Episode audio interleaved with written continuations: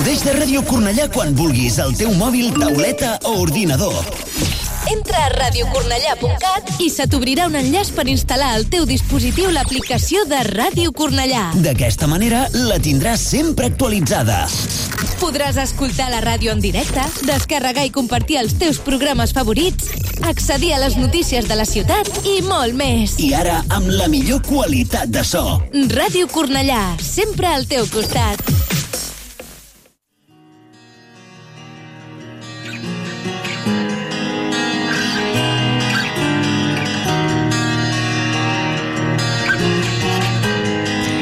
Radio Cornellá comienza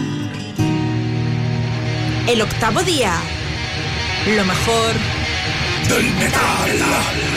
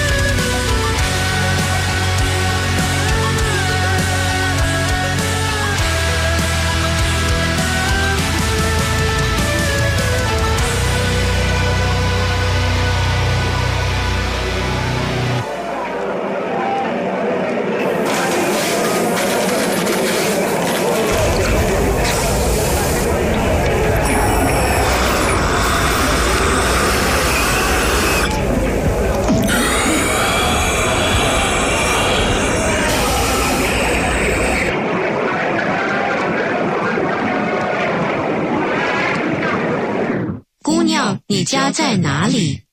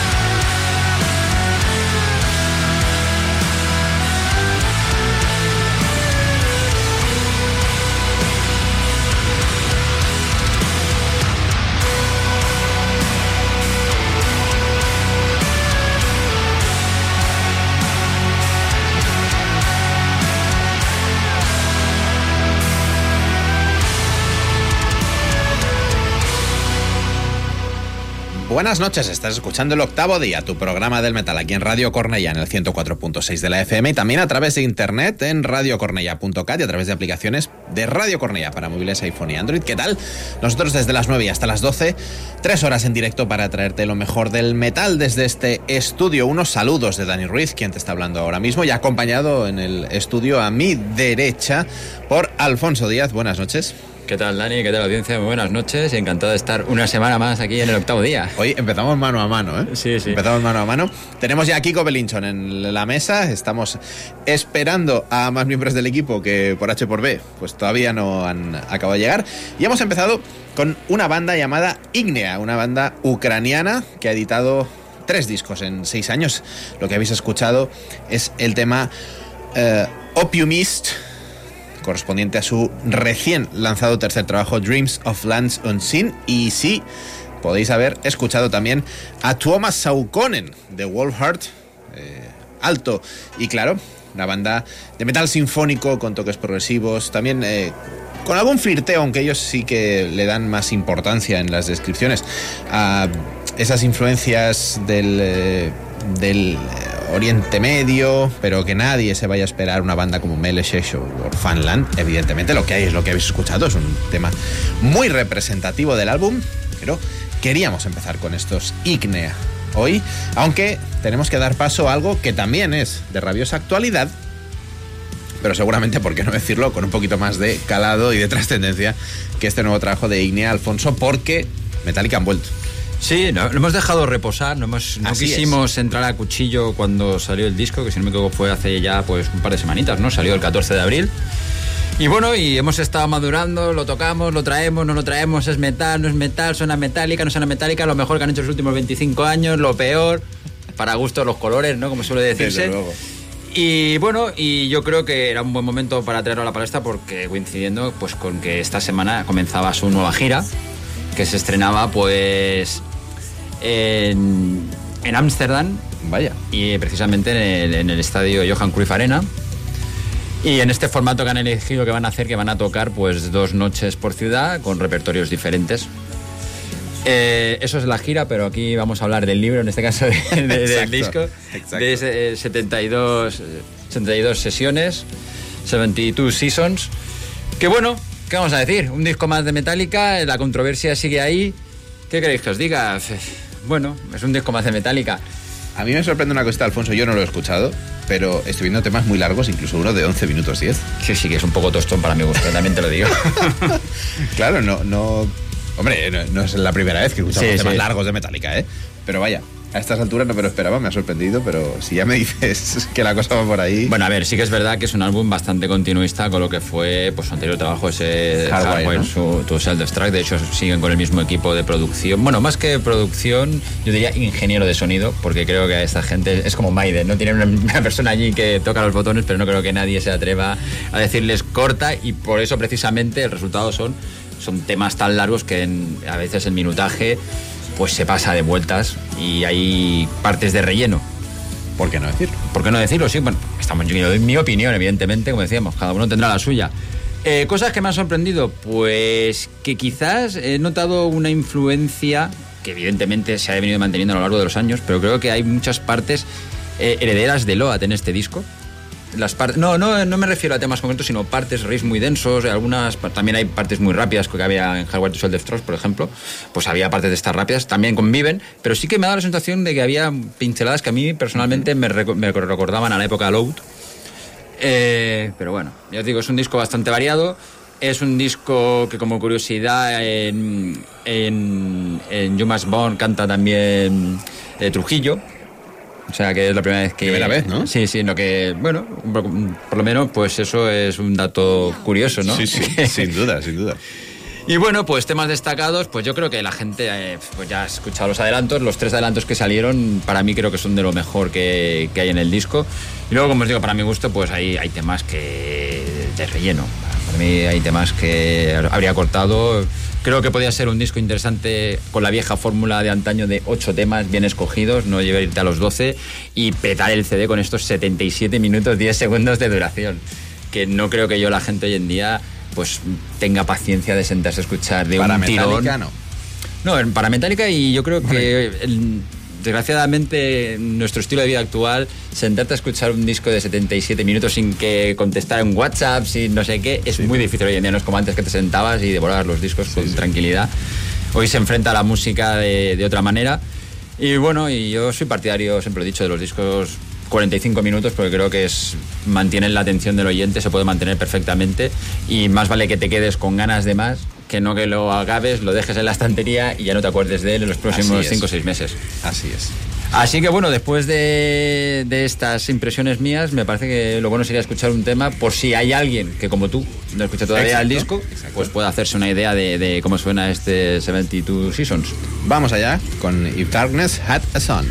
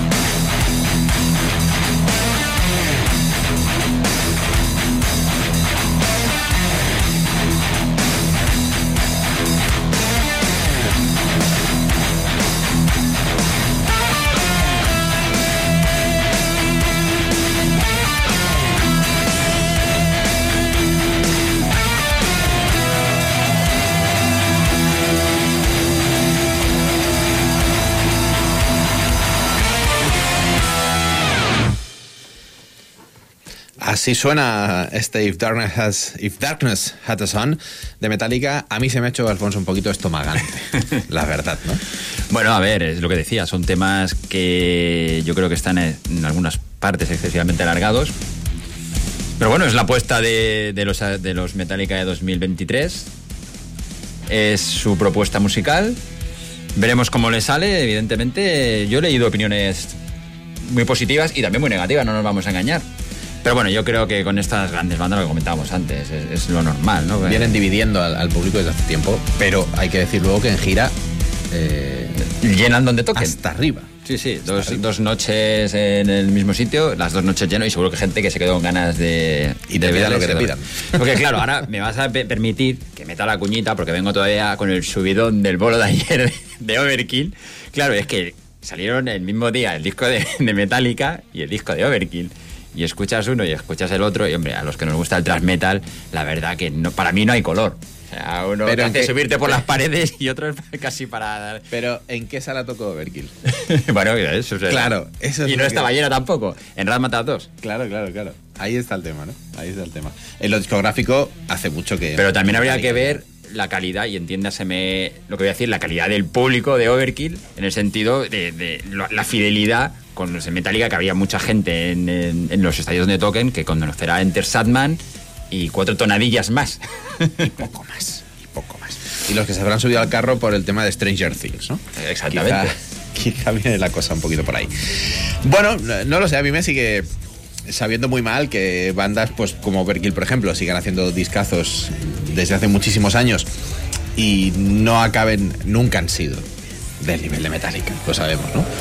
Pero Metallica, pues bueno, lleve muchos años decepcionantes en lo discográfico y sigan ahí llenando estadios. En fin, los caballos, los caballos, los caminos, caminos del señor del metal son inescrutables. También lo son los de nuestra próxima banda en el octavo día, Charcon Fist el puño de Tarconte, viven de la mitología etrusca estos boloñeses que llevan unos cuantos discos a sus espaldas, aunque se lo toman con calma.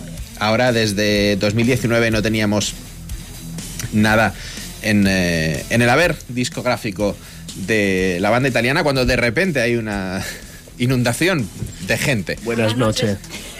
Buenas noches, Isma Peiro. Buenas noches, Tony López. Yo solo he venido a decir que el tema que habéis pinchado de Metallica es mi favorito del disco. Es el que puse en el vídeo. De hecho, le pedí a pues Xenia que en el vídeo de el, eh, este tan chulo que hice en TikTok y podéis ir a ver, eh, es el tema que suena de fondo y la razón por la cual no puede sonar en YouTube porque tiene derecho de autor. Pero es mi tema favorito del último disco. Eso lo dice todo. buenas noches, Tony López. Yo solo, buenas noches, solo quiero decir que es, es, el tema que empieza, que parece que empieza bien del disco. La madre, que, empieza bien. que empieza bien. Parece que empieza bien. Empieza bien, el comienzo es muy chulo bueno, yo lo habría llevado por otro lado el, tema, pero es un buen tema, es un buen tema. Bueno, Tony lo habría llevado por otro lado y Tony está aquí en una radio y Metallica se están forrando. A ver, ¿qué queréis que os diga? correcto, es correcto, correcto, Todo el mundo, no, o sea, no lo podemos hacer todo bien, Tony. ¿Tú haces muy bien? ¿Sabes lo que haces muy bien? No. Pues este programa de radio lo haces muy bien y sacarle saludos a Conception también lo haces muy bien. Eso sí, sacarle Que salió Roy Khan con una sonrisa que no le cabía en la cara. Luego, luego, hablaremos de eso.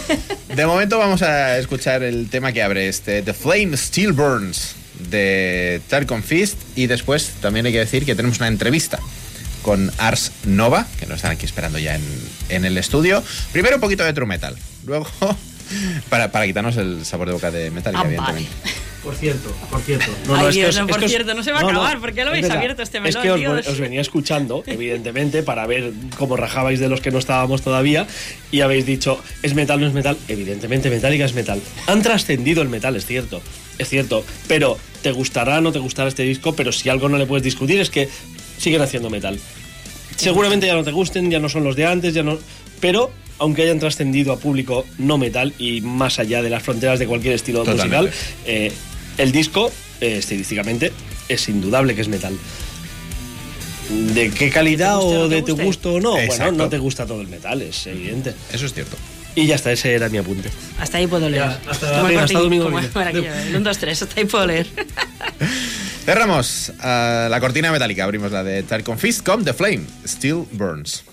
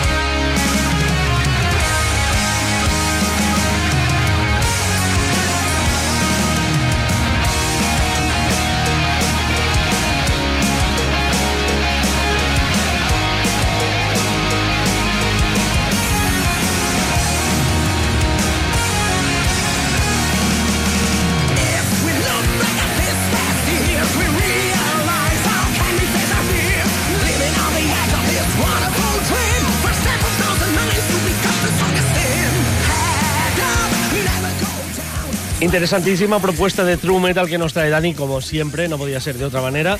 Pero ahora tenemos otra propuesta aún más interesante y es que nos visita una banda, una vieja conocida del programa además. Nos visitan Ars Nova presentándonos su nuevo trabajo que suena así de bien.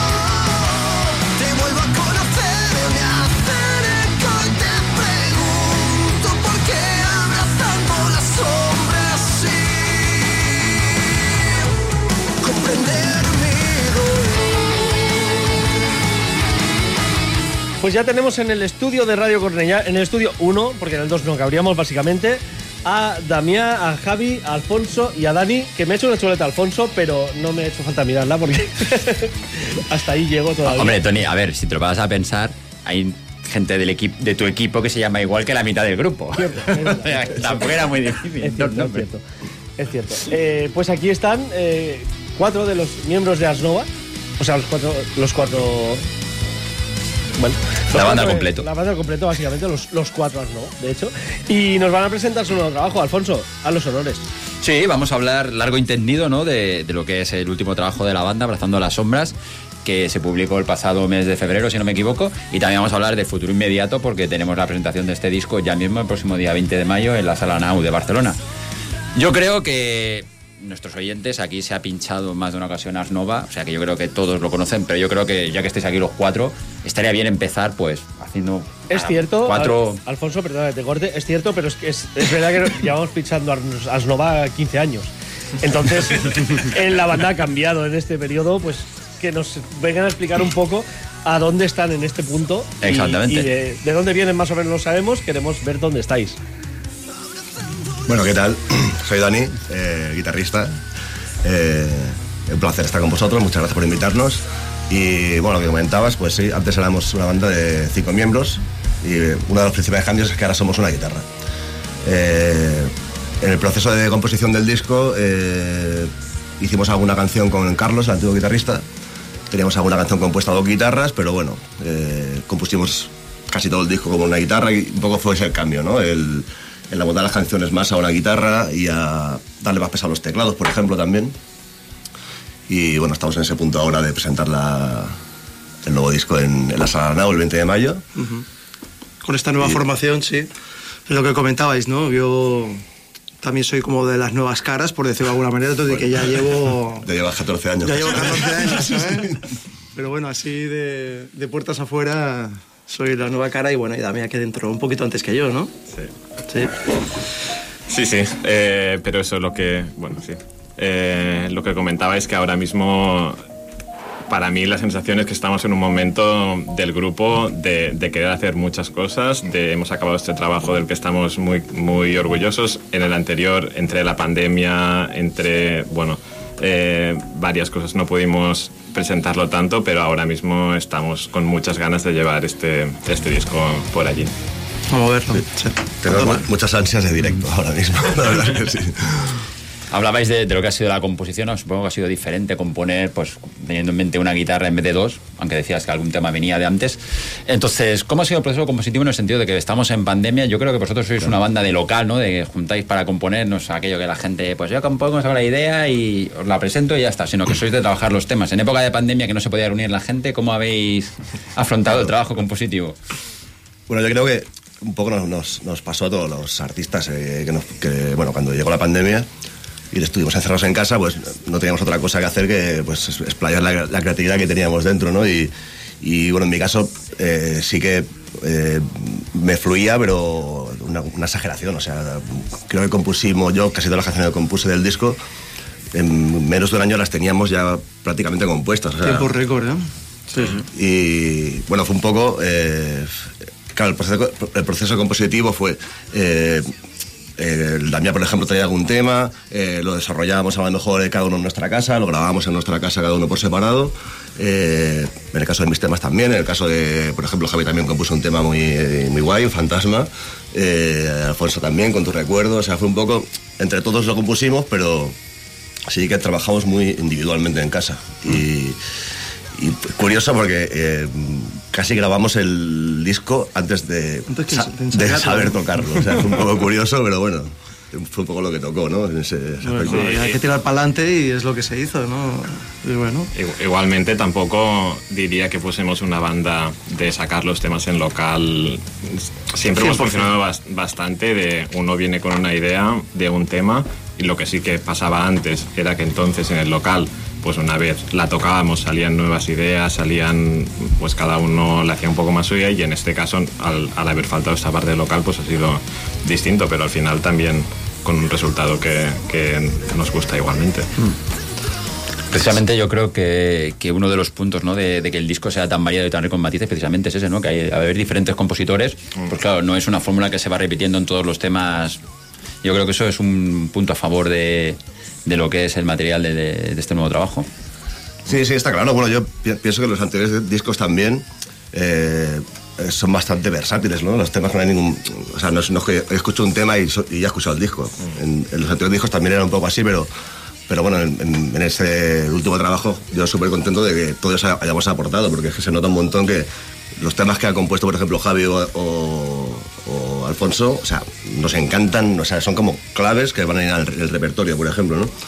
Y, bueno, lo bueno es que hay conexión entre ellos, ¿no? Aunque sean trabajos individuales, pues siguen teniendo como un nexo de, de, conexión. Al final, en el local también hacemos que, cada uno lo, adapta, ¿no? Le, da su toque y su magia y bueno, pues esto hace que, pues, que suenen todos más o menos dentro de, la línea de, de Ars Nova. Pero esa conexión que dices, eh, musical, por así decirlo, tiene también que ver lo que es con las letras para darle un concepto. No hablo, no hablo de un disco conceptual como una historia continuada, sino darle un concepto a, lo que es el arte de. Porque también me ha gustado mucho la portada, ¿vale? O sea, y creo que está todo muy relacionado. No sé si es algo buscado que sea un concepto global. Eh, no es un disco conceptual al uso. Eh, la verdad es que, bueno, sí que partimos un poco de la idea general de, de Dani, ¿no? del mundo de los sueños y, todo esto, lo onírico. Pero sí que no, sabría cómo decírtelo. Cada tema tiene su esencia, tiene su historia, tiene su. Bueno, al final. Su melancolía, pero bueno, se van como creando una atmósfera global de alguna manera, ¿no? Es como que, bueno, te sabes el tema, te sabes el otro, y es como que las palabras vas encajando en palabras, pero también tienes como un espectro global de, de las otras y también hay que tener en cuenta que, este disco se ha compuesto en un periodo de tiempo bastante mucho más reducido que, los otros discos, ¿no? Y, es normal que la, mente en este tiempo al final fluya en, ciertos temas, ¿no? Y, esto también se ve reflejado, que hay varios temas que hablan de, conceptos parecidos, pero precisamente por eso, porque al final era el, momento en el que estábamos viviendo y eran las ideas que teníamos en aquel momento. Y esa orientación, digamos, oriental con temas como Kyoto y, y, y, ¿Qué puedes contar de.? no, un poco de todo. Siempre ha sido un, un poco un rollo que, que, nos ha gustado y que, que nos ha influenciado en, en, varios temas. De hecho, una de las influencias de, de la banda ya de antes era Ex Japan. Ex Japan, clarísimo. Eso siempre lo habéis tenido. Entonces, pues siempre ha estado un poco allí. Y eh, en el caso concreto, por ejemplo, de, de Kyoto, sí que lo que influenció es que. Eh, yo poco antes de, que empezase la pandemia pasé bastante tiempo en Kioto, pues estando allí en una casa de japoneses y estudiando y estas cosas. Y, fue un tema que surgió allí que yo no pensaba que la, letra ni nada fuese a ir del tema japonés ni, ni, nada, pero después al... a ver, tú me dijiste, mira, estaba... o sea, era blanco y en botella, dices, hostia, me, salió esto en, en, Kioto, ¿sabes? Y Alfonso, métele algo. Y yo dije, pues a ver... No, que, que, te pasó como un archivo de, la idea principal que se llamaba Kioto el archivo, ¿no? claro, pero era la, la, localización donde lo había creado. yo te paso esto y haz lo que tú quieras. ¿no? Pero sí que, sí que es algo que, en general eh, llevamos bastante como influencia a todos. Sí, el río Japo, pues la verdad es que es un tipo de cultura, la, la asiática, pues es como al ser tan diferente, pues es atractiva, ¿no? Y bueno, también No sé, no sé por qué Dani, nuestro Dani, se ha ido porque es el, el, el japonesófilo del programa. sí yo hago lo que puedo también, pero es cierto que, sí que es verdad que tenéis ese trabajo de melodías, que es la melodía japonesa es muy particular, sobre todo el tratamiento de voces, y en esto, pues Alfonso, tú serás seguramente el, mayor implicado en esto. Es muy difícil, eh, sobre todo, bueno, eh, encontrar ese, ese es, ese balance ¿no? entre, la, entre la melodía japonesa, la voz japonesa y la de aquí, que realmente es muy distinta. El idioma es totalmente distinto, además, incluso ya por los monosílabos que pueden usar fonética. Eh, en todos los aspectos. Y en cambio hay temas como el que escuchábamos anteriormente que tiene, tiene ese aire. Se consigue, se transmite. ¿sí? No sé si es buscado expresamente o, es que viene así. A ver, la, melodía de, de, Kyoto es de, es de Damián al completo. Yo simplemente puse, adapté una letra y, luego dándole pues los matices ¿no? Es que, pues si habla también la letra, intenta comunicar algo, pues tú también intentas modular de alguna manera para, para transmitir ese sentimiento. ¿no? la mala pasada, ¿no? De llevarlo hacia allí, que también puede ser. Sí, sí, sí, sí, sí, por supuesto. Pero bueno, está súper guay esto que dices de que, de que hay como una especie de simbiosis con, con ¿no? Con, sí, porque por ejemplo este tema escuchamos ahora de fondo tienes ese, ese Medio Oriente, ¿no? Esos ritmos de Medio Oriente y tal. O sea, vas, es, es, un poco un viaje ya no musical, sino geográfico incluso, ¿no? El, sí, disco. Sí, sí, sí, correcto, sí, sí. Sí, sí. Vas cambiando de tema y vas teniendo la sensación de, de, que las historias están ubicadas en un contexto. Y esto, hostia, ahora me viene a la mente algo que nos dijo alguien, que era, hostia, es que vuestras canciones nos hacen, o no sé si lo dijiste tú, a lo mejor. hablamos, hablamos tanto, hablamos, tanto ya que ya no sé ni. Dijo, cuando escucho estas canciones veo, veo imágenes, ¿no? Y entonces te imagino, no sé si os pasa a lo mejor con, con otros temas que vas viendo como imágenes, vas viendo una historia, vas viendo los personajes. Sí, bueno, yo pienso que un poco... te un poco a, a, a, jugar con sensaciones, ¿no? Cuando lo escuchas, a mí me pasa, ¿no? Yo lo escucho el disco como una obra entera, ¿no? me pongo una canción, ¿no? Entonces sí que como voy, viajando a través de las canciones, ¿no? Sí, sí, por eso esto que dices, Dani, es, es muy bonito y, es un poco esto lo que, lo que se refleja en el, en el disco. Eh, hablábamos, nos hemos metido así un poco a hablar de letras, de canciones y tal, hablábamos de las experiencias que te había dicho de la mía para inspirarte la letra. Yo a mí un tema que me ha llamado la atención y creo que es tuyo, eh, Dani, que es eh, Sueño Lúcido. Explícanos un poco por qué. un tema muy bonito. Bueno, este tema realmente lo compuse en el 2003, cuando éramos mazo, la época de mazo. lo que pasa que no sé por qué no decidimos nunca incluirlo en el disco y tal. Y, bueno, en pandemia eh, me empapé de podcast y tal y descubrí que pues que existe el mundo onírico, o sea, el mundo de los sueños lúcidos, ¿no? O sea, que a través de eh, unos, pequeños hábitos en tu vida puedes llegar a controlar tus sueños, ¿no? Entonces me obsesionó tanto esa idea que empecé a, como a llevarla a cabo y a los seis días de practicarlo tuve mi primer sueño lúcido y que es una experiencia maravillosa. O sea, yo si no lo conocéis, o sea, os aconsejo por favor que os introduzcáis porque vale la pena muchísimo. Alfonso está tomando notas. siempre, siempre hay que aprender. Está tomando notas. Sí, bueno, lo, curioso de cuando, justo al despertarme del, sueño lúcido, me vino el estribillo de esta canción. Que precisamente en el 2003 no, había estribillo en la canción. Entonces lo vi clarísimo. Dije, voy a, recuperar esta canción, que es una canción que le tenía, siempre le tenía mucho cariño, pero le faltaba eso, ¿no? Le faltaba un poco el, la, producción de de las piezas que faltaban, ¿no? Pues cogí el estribillo, eh, adapté un poco mejor la letra, eh, rellené los huecos que faltaban y hice un poco la producción a, las Nova de, bueno, del 2022, que era ese, bueno, 2021 creo que fue. 21. Y no sé, lo tuve claro, se lo comenté a ellos, le dijo, si os parece recuperamos el tema y, bueno, a ver cómo suena, a ver qué tal. Y pienso que, bueno, también ha adaptado bastante la voz porque eh, pienso que ha mejorado bastante, ¿no? El, bueno, el, bueno, el tipo de, recurso que utilizamos para hacer los versos y los estribillos. Bueno, se tuvo que adaptar pues porque el cantante que había antes, que es Alex Vijande, que es un gran amigo de la banda. Sí, lo hacía exageradamente y, de alguna manera siempre está con nosotros. Si no, nos colabora en un piano, en voces, etcétera, etcétera. Y, tenía, ese, tenía ese mal vicio de subir a fondo, ¿no? Bueno, es un recurso que si lo tienes, pues al final pues lo, usas. somos más que fans, o sea, yo el power italiano me flipa, o sea, no, no, voy a poner una queja sobre, sobre un grito más allá. Exacto, sí, sí, de, sí. De hecho, Sueño, Dani, eh, la, la, primera vez que la, sacamos, creo que teníamos a Eric todavía en el, en el grupo y Eric todavía tiraba más arriba. Mm. Estaba Eric. Estaba Eric cuando la, cuando la compusimos y la grabamos la maqueta hace un, también, yo sé, 200 o 300 años. Y... Sí, pero es atemporal el tema, ¿eh? porque lo escuchas ahora y tampoco... Me parece muy curioso porque mucha gente me ha dicho que es su tema favorito y digo, hostia, pues tiene, tiene más de 20 años, ¿sabes? El tema. Sí, pero es que mucha gente dice que cada tema es su favorito. Es lo que también nos, nos ha llegado. Sí, lo que hablábamos antes de la variedad, quizá, ¿no? Que a ver, diferentes compositores, pues son temas. Son, están todos unidos por un nexo común, pero son muy diferentes entre sí. Y yo, por ejemplo, apuntaba esto ahora una palabra que me parece muy interesante: melodía. Creo que habéis trabajado mucho las melodías, pero no solo las vocales, sino también las instrumentales, porque yo yo escuché mucho el disco antes de que saliera, hice la reseña para Rafa Basa. Y precisamente en el tema de, Abrazando las Sombras, eh, esta semana, a ver, escuché el disco en su momento, lo machaqué bien, me empapé para hablar de él, para escribir de él, y ahora lo he recuperado esta semana, pues evidentemente, porque sabía que estabais aquí, teníamos que hablar del una, disco. Una crítica brutal, por cierto, ¿eh? Bueno, que lo dices, hay que... Bueno, eso no estamos para hablar de eso ahora. Eh, he vuelto a recuperar lo que, el... Lo que hayas pagado Alfonso por la crítica no es... No he recuperado el disco esta, esta semana y es que me acordaba de las melodías perfectamente, o sea, es una pasada.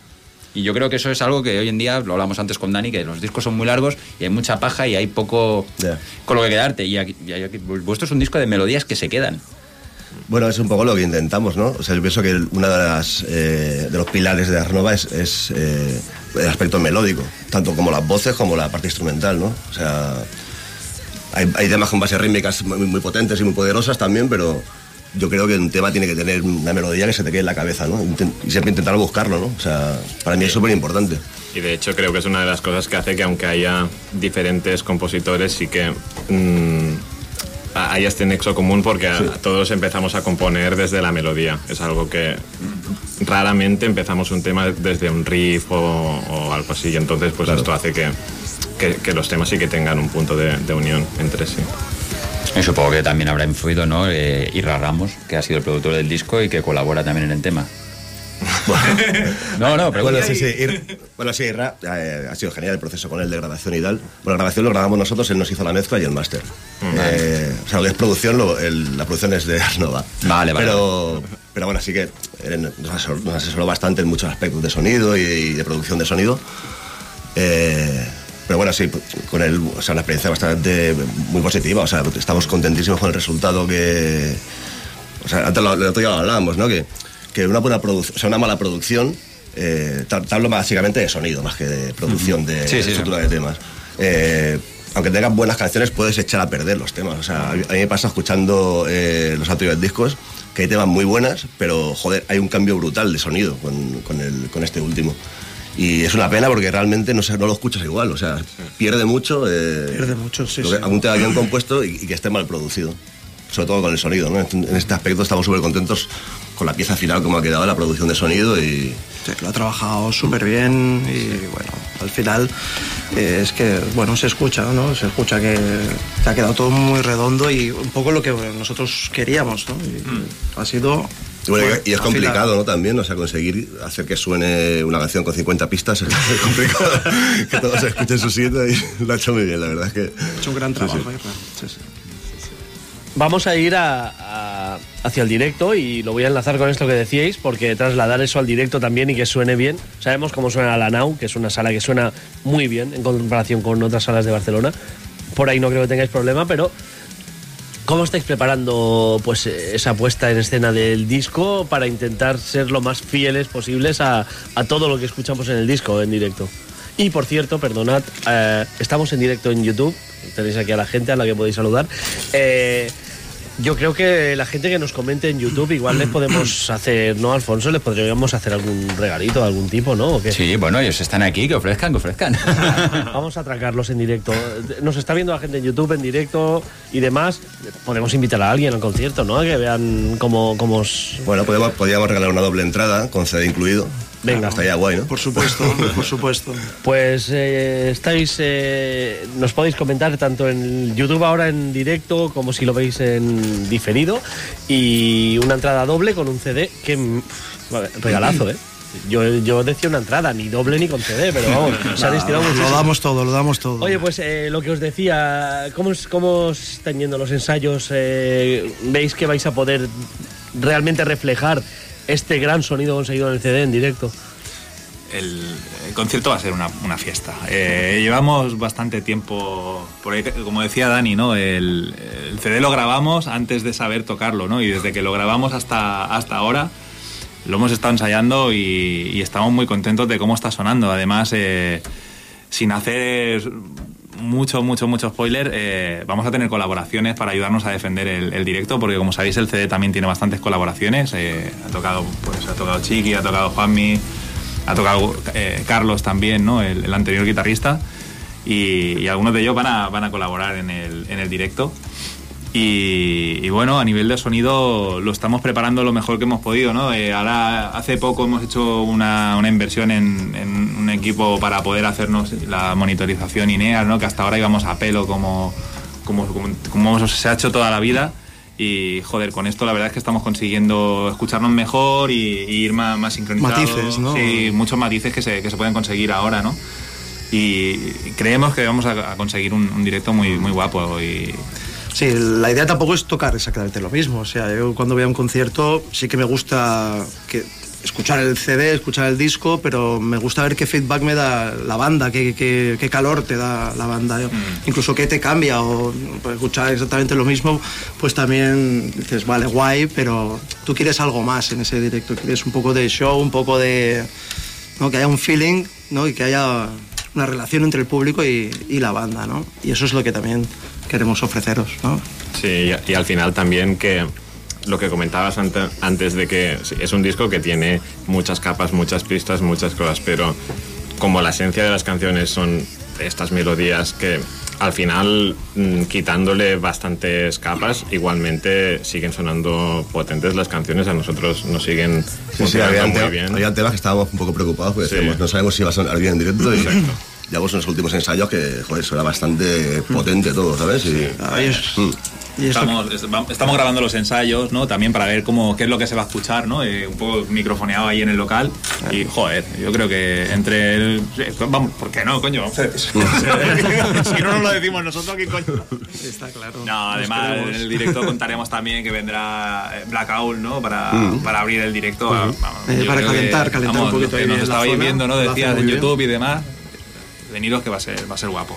Va a ser bueno, tenemos un disco fantástico entre manos, abrazando las sombras, ¿no? Tenemos una fecha de presentación en casa, supongo que la presión va a ser importante, ¿no? Amigos, familia, pero has hablado también de una inversión en equipo, eso quiere decir que de cara al futuro la cosa pinta bien, ¿no? Ahí hay planes ya, hay cositas cerradas, hay...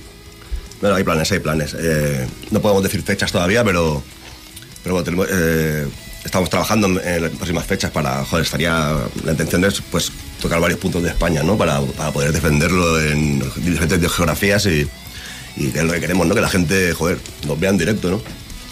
Y bueno, solo podemos decir que tenemos un bolo en, eh, por la zona de Castellón, pero aunque estamos cerrando la fecha por septiembre o así, pero no, no podemos decir fecha concreta, pero eso es lo único que tenemos más o menos cerrado. Pero, pero bueno, estamos en ello, estamos, trabajando para, sí, para hacer una mini gira y porque supongo son a ganas locas, ¿no? Porque Sombra y Luz, Sombra y Luz eh, lo presentasteis, pero no pudisteis moverlo lo que os hubiera gustado seguramente. Por, yo creo que hicimos cuatro conciertos como mucho de Sombra y Luz, cuatro o cinco. Pues mm. enseguida ya hubo el, lockdown y, se acabó el, mundo, ¿no? Sí, sí, no tuvimos mucha oportunidad de, de, sacarlo, además de nuestra zona, ¿no? Sí que nos gustaría, como ha dicho Dani, pues ir a otras comunidades, ¿no? Y y ofrecer este Ahí estamos, ahí estamos. Podemos esperar por eso que no sea solo una presentación de este nuevo trabajo, sino también de Sombra y Luz, ¿no? Un poco, ya que lo habéis tocado tampoco, ¿o no va, no va a ir por ahí los tiros, ¿no? vamos a...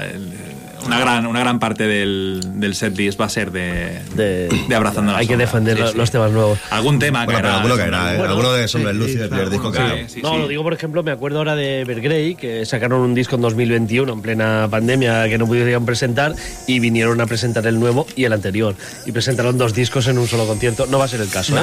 Bueno.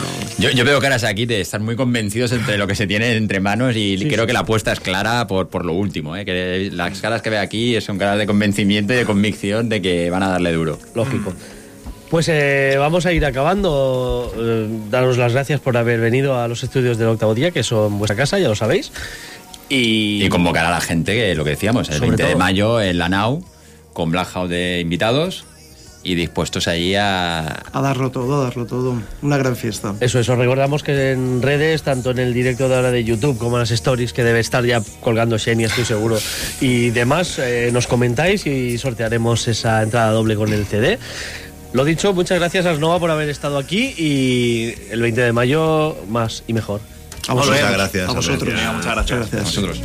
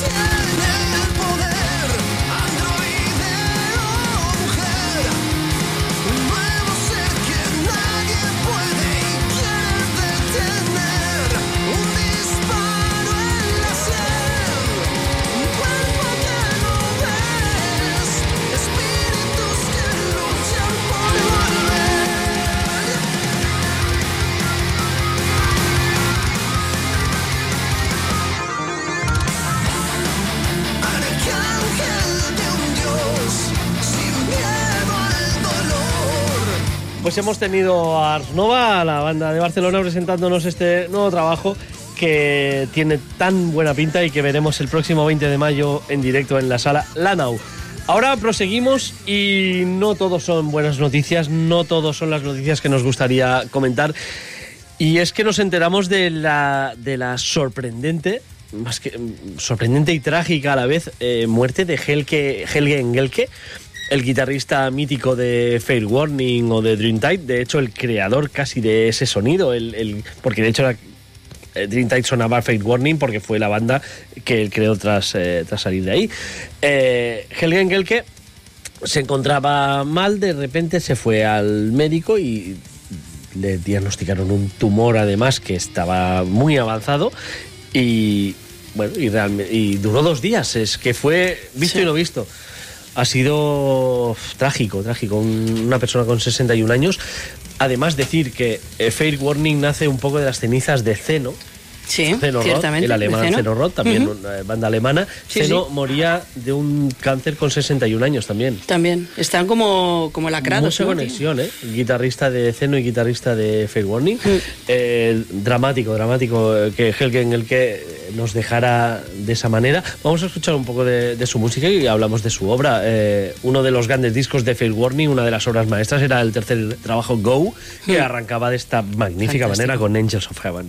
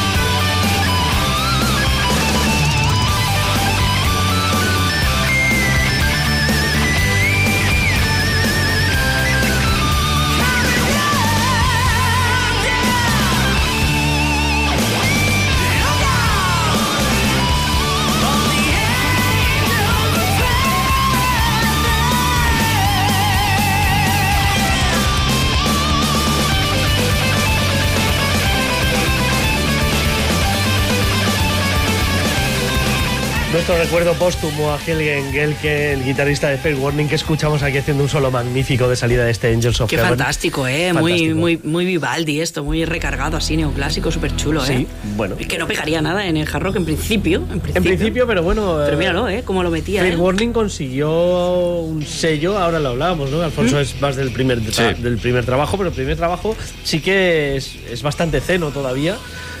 Tienen para mí su mejor balada, que es Long Lone, en ese primer trabajo, por ejemplo. El primer es- trabajo que, si, si lo escuchas eh, lo escuchabas en la época y no sabías quién era, te dicen que era una banda americana y hubiera colado Sí, sí, sí, sí, perfectamente porque perfectamente. el rollo que tenían, sí, sí. sí. No, no, y había temas como Out on the Run o Hit of the Emotion. que han Eyes of Rock, que hablaba antes con Dani y yo, que eran temas de. su- sí.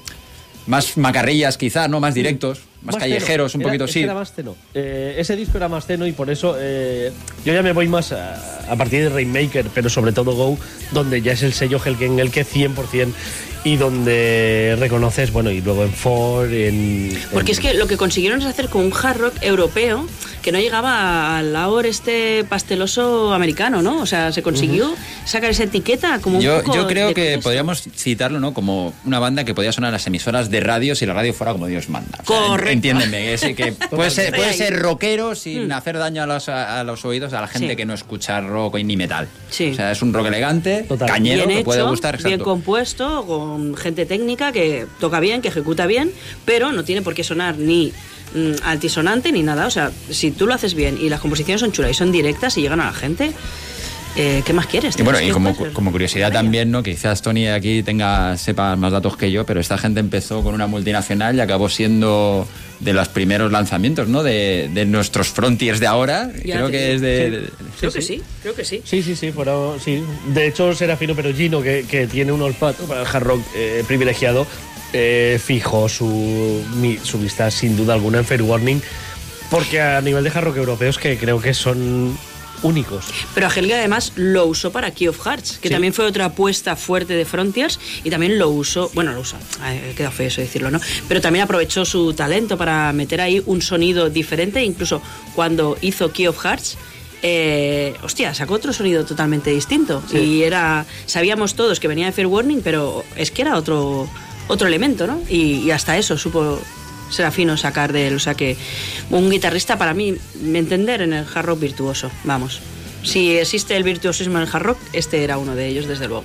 Y una sí, pena que en el hard rock el virtuosismo además eh, va muy ligado a la melodía y las melodías de Hell que eran eh, tremendas. Y lo- Fantásticas. la- bueno, el efecto que conseguía en los temas Hmm. es que los temas de Fair Warning es imposible no quedarte con las melodías de cada uno de los temas.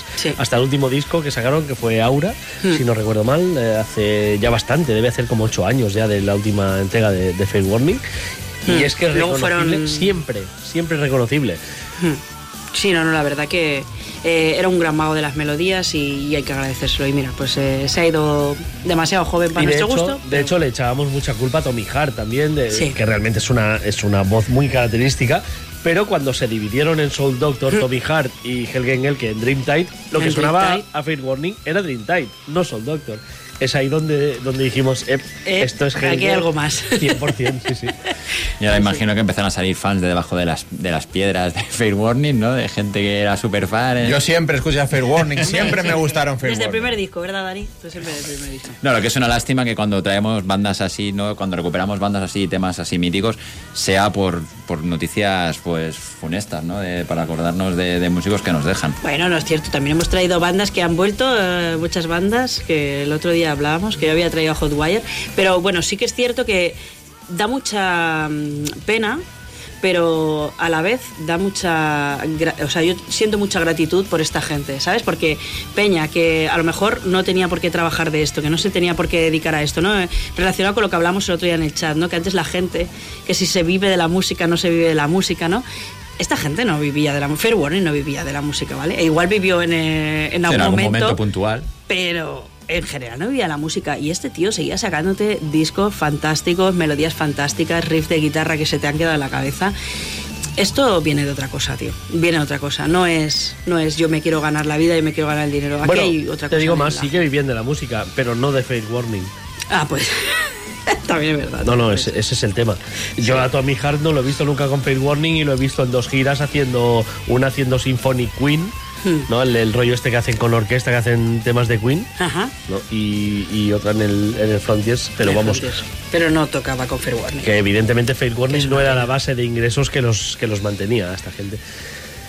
Pero bueno, aún así, oye, han dejado un gran legado y tenemos que estar agradecida a esta persona, pues. Enorme, Por lo que ha hecho. Enorme drama. Eh, seguimos con más música porque se nos va la noche. Ah, pues mira, pues voy a seguir yo. Si seguimos, bueno, de Fairweather, de aquellos barros, estos lodos, yo también te voy a decir, ¿eh? Porque eh, me ha hecho especial ilusión este mes ver que volvían mis queridos Angel. Yeah. Vestiros de blanco todos. Poneros todas las capas, las alas de Angelito, por favor. Porque, bueno, para los que no sepáis que yo soy seguidora de Kiss eh, los lunes y los miércoles, em, me gustan los Kiss de los 70, sobre todo.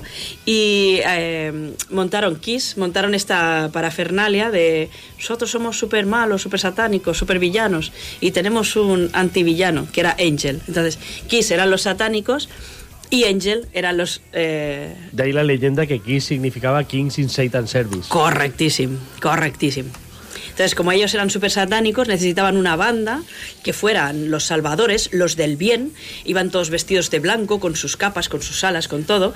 Y eran los salvadores de la humanidad. Y en Estados Unidos bueno, iba a decir que en el mundo en general, porque todos somos imbéciles igual, pues nos molaba el rollete este de eh, el Batman contra el Joker. ¿eh? Eh, compramos toda la película esta y entonces pues era tenías a Kiss si te gustaba lo malote y tenías a Angel si te gustaba lo buenote. Pero también te digo que desde lo buenote tampoco te voy a hablar que prodigan una cristiandad absoluta. O sea, tampoco es que estén todo el día hablando de poner la tramejilla y todo esto. Pero me ha hecho mucha ilusión cuando he visto que después, yo que sé, que, debían de llevar 30 años esta gente sin sacar un disco, pues se han decidido y oye, dije, yo la verdad que lo tomé con un poquito de precaución. Dije, a ver si esta gente, después de estar tanto tiempo. Entre precaución y coña, ¿no? A ver, Entre precaución y coña. Sobre todo con las pintas, ¿no? claro. No, pero es que las pintas siempre había sido eso, Alfonso. O sea, si te molaba Kiss, tú sabías que tenías al chollo y al antichollo, ¿no? Del 1, 2, 3. Pues esto era eh, Kiss y los Angel, era lo mismo. Entonces, eh, yo cuando ya vi a Angel dije, O sea, yo he visto a Kiss todas las veces que ha venido a España, me podéis pegar todas las veces que queráis, con látigos si queréis y con púas, pero lo he visto a Kiss todas las veces que ha venido a España porque a mí me mola el rollete divertido y todo eso. Eh, pero es que claro, ya, si va a venir Angel, o sea, yo me voy a vestir de blanco ese día, ¿eh? Te voy a decir una cosa, Inma. Aquí hemos hablado muchas veces de que Tony, yo, y creo que tú también, tú también, Dani, hemos comprado discos por la portada, pero yo hay discos que no he comprado por la portada. Y los, de Angel, no los he comprado por la portada. los has evitado por la portada. o sea, es aquello que ves la portada y dices, los Village People? Me lo creo, me lo creo. Yo la primera vez que los vi pensé, los pecos del hard. Tal cual. Pero si ya sabes que detrás, o sea, ya el primer disco de Angel. Lo estamos vendiendo de puta madre, ¿eh? O sea, vas a pinchar ahora con la presión esta. ¿eh? No pincho con ninguna presión, pincho con el cachondeo de lo que me parece que es muy divertido. El primer disco de Angel lo produjo Jen Simmons. O sea, Angel tocaron al lado de casa de Jen Simmons. Jen Simmons se fue para allá, lo fue a ver y dijo: Os necesito. Y dice, ¿para qué? Y dice, para llevarme la contraria, tíos. ¿Y me vas a pagar por llevarte la contraria? Y dijeron, eh, ¿cuánto nos pagas? y James Seymour dijo, yo estoy forrado de pasta. Y dijo, pues si me das lo que tú quieras. Y, ellos dijeron, pues voy a cobrar, sí. Y entonces hubo una época incluso, que yo no viví evidentemente porque no había nacido, eh, que hacían los conciertos con Angel de teloneros y Kiss de cabeza de cartel. Es que era como la lucha del bien y el mal. Y la gente lo peor es que la gente se lo creía.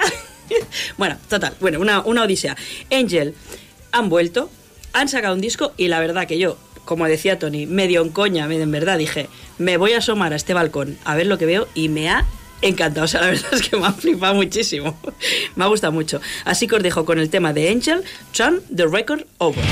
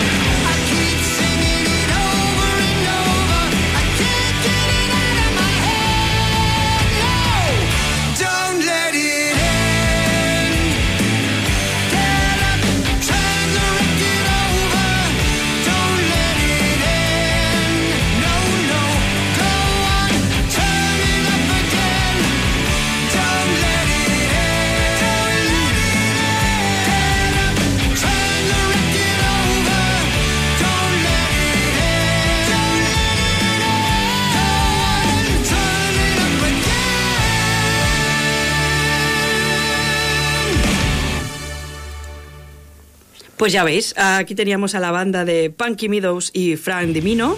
Eh, bueno, siguen siendo ellos el alma mater de la banda. Ahora comentábamos con Alfonso, se había cambiado mucho la formación. Al menos el alma mater sigue. Como habéis podido escuchar, el, sentido musical no se ha modernizado mucho en el sonido, sigue siendo y vemos en el setentero, pero bueno, si sois así un poco, eh, os gusta el sonido añejo como a mí, pues la verdad que todo el disco lo mantiene bastante y temas como este que hablan pues de de poner el disco y darle la vuelta al vinilo, ¿no? que es, es, algo tan denostado por algunas personas hoy en día, pero que hay otras que disfrutáis tanto, pues eso, darle la vuelta al vinilo, ponerla a otro lado y seguir disfrutando de la música. Así que me ha dado muy buen rollo y por eso lo he querido compartir con vosotros. Y en nuestro grupo de Telegram, Pep ha sacado de la manga un álbum de Angel. ¡Toma ya! Sí, señor. Bien, ya somos más. Por cierto, dejadme decir que al hilo de lo que decía Alfonso, eh, he recordado cuál fue el último disco que yo compré yo por la portada. Y fue un disco de una banda polaca llamada Artrosis. Aunque reconozco que lo compré porque el nombre de la banda me hizo mucha gracia y me ha dado mucha pena eh, ver que desde 2015 no sacan nada. Eso era por un tema profesional. Claro. Tú buscabas algo de documentarte. Artrosis, cojonudo. Para la fisioterapia. Melange, no estuvo mal el, el disco. Eh, Alfonso, seguimos más o menos en esta línea. Sí, vamos a seguir después de Ángel, vamos a seguir en el cielo. Aquí te invito a que veas la portada de lo que voy a pinchar para que veas. para que veas que vamos a seguir por las cándidas veredas de nuestro Señor. Tiene pinta, tiene pinta, sí. Y es que nos vamos a ir nada más ni nada menos que a Canadá, que yo creo que es una tierra recurrente en mis, en mis aportaciones en el octavo día, porque allí es, pues les gusta la caña, les gusta la velocidad y les mola el transmetal. Vaya. Y vamos a ir con una banda que precisamente se encarga de eso, de repartir cera a base de bien.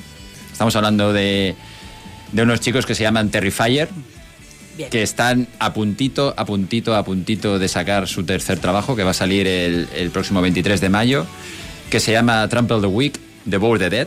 O sea, melódico. Bien, bien, bien. Ya. Que, pinta a baladitas, a baladitas. Huele a or. eh, para los los, he mostrado a Dani la portada, pues para los amantes de las portadas, hablábamos de gente que compramos eh, los discos por la portada, pues decir que la portada es de un clásico como, como Ed Recta, o sea que es uno de los ilustradores cumbre dentro del trash y el dead. Perturbador, vamos a decirlo sí. así. Sí, pero se nota perfectamente que la portada lleva, lleva el sello de su autor. Pero vamos a ceñirnos a lo que es la música y vamos a pegarle una escucha a lo que ha sido pues el adelanto de este trabajo de, los canadienses Terrifier.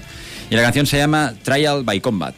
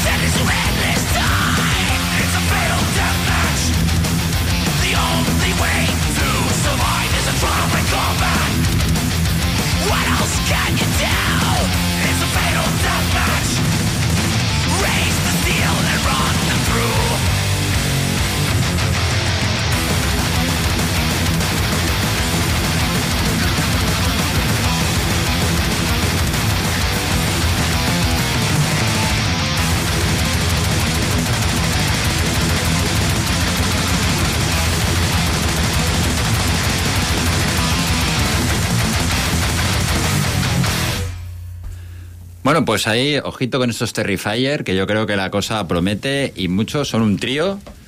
Y no veas cómo tocan aquí los amigos. Comprar. Ahí va sonado metálica.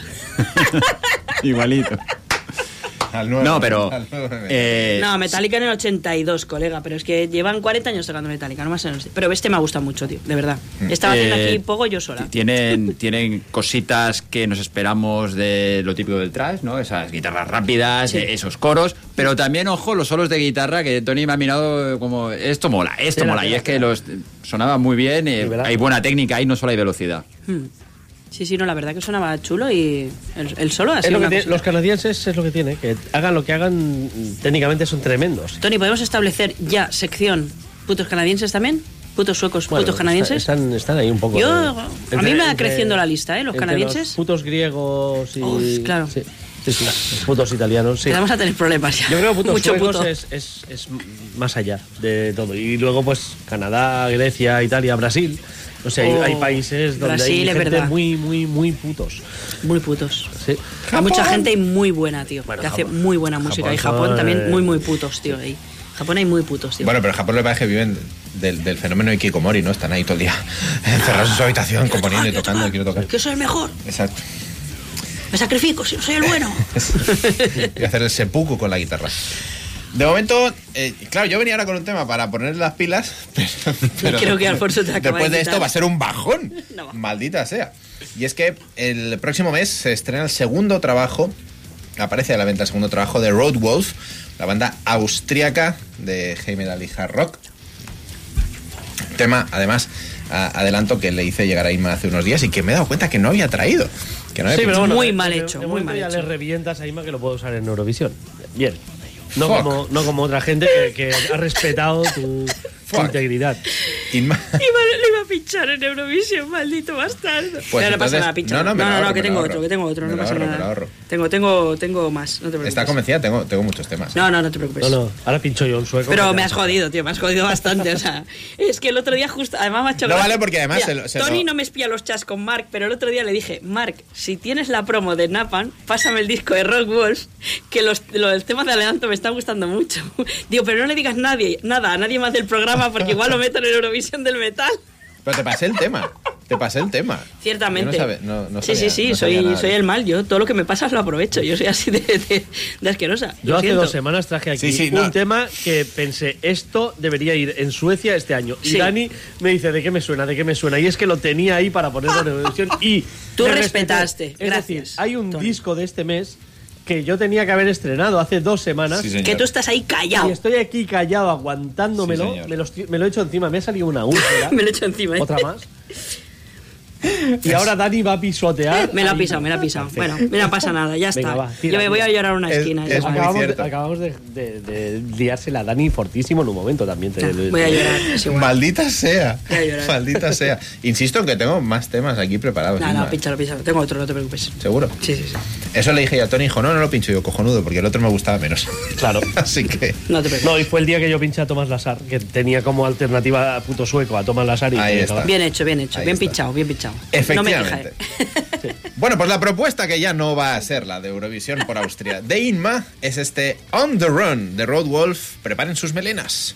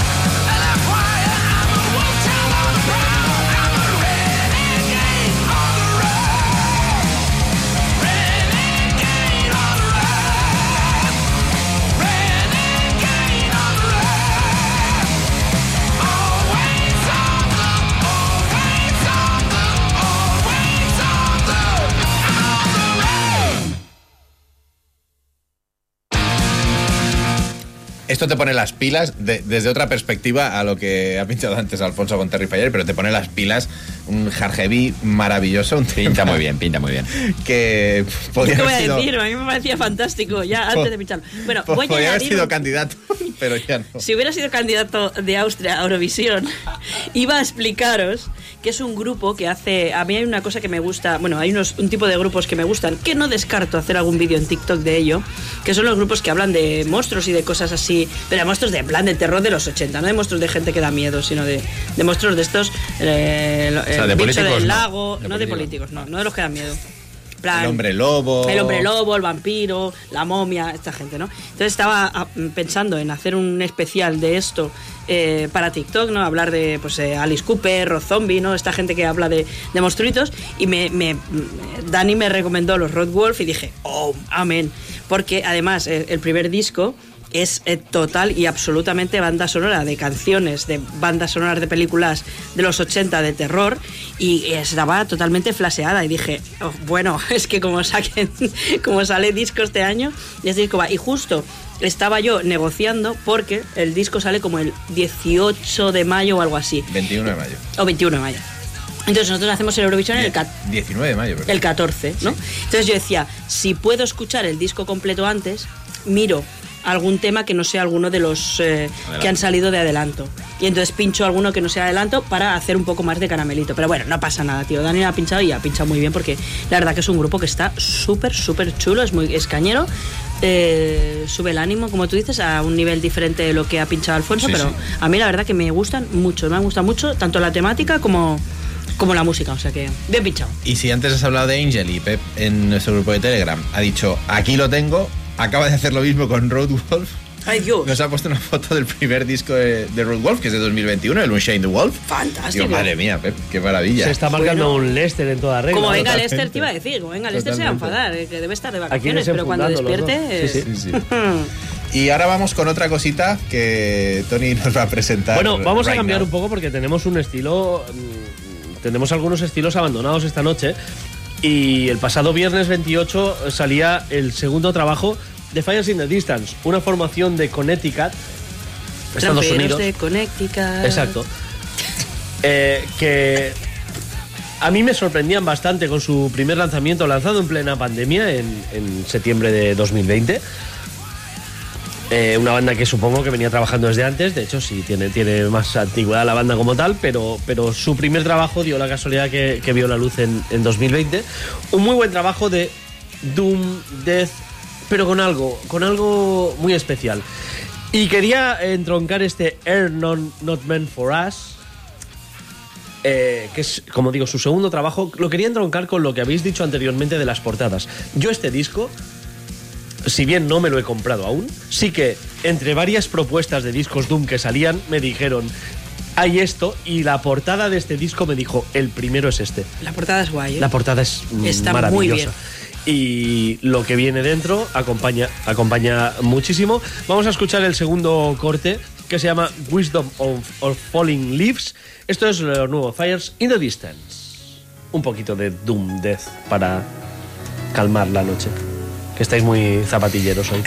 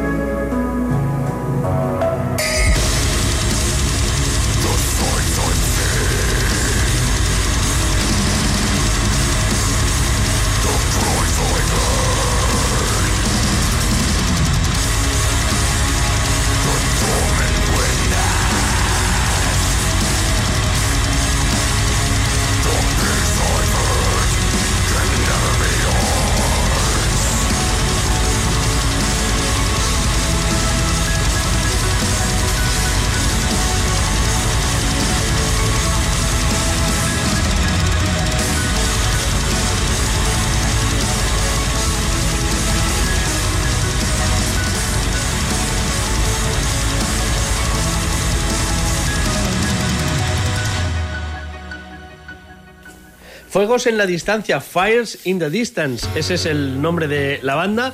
Air Not Meant for Us es su segundo larga duración y suena así de bien. Son seis temas.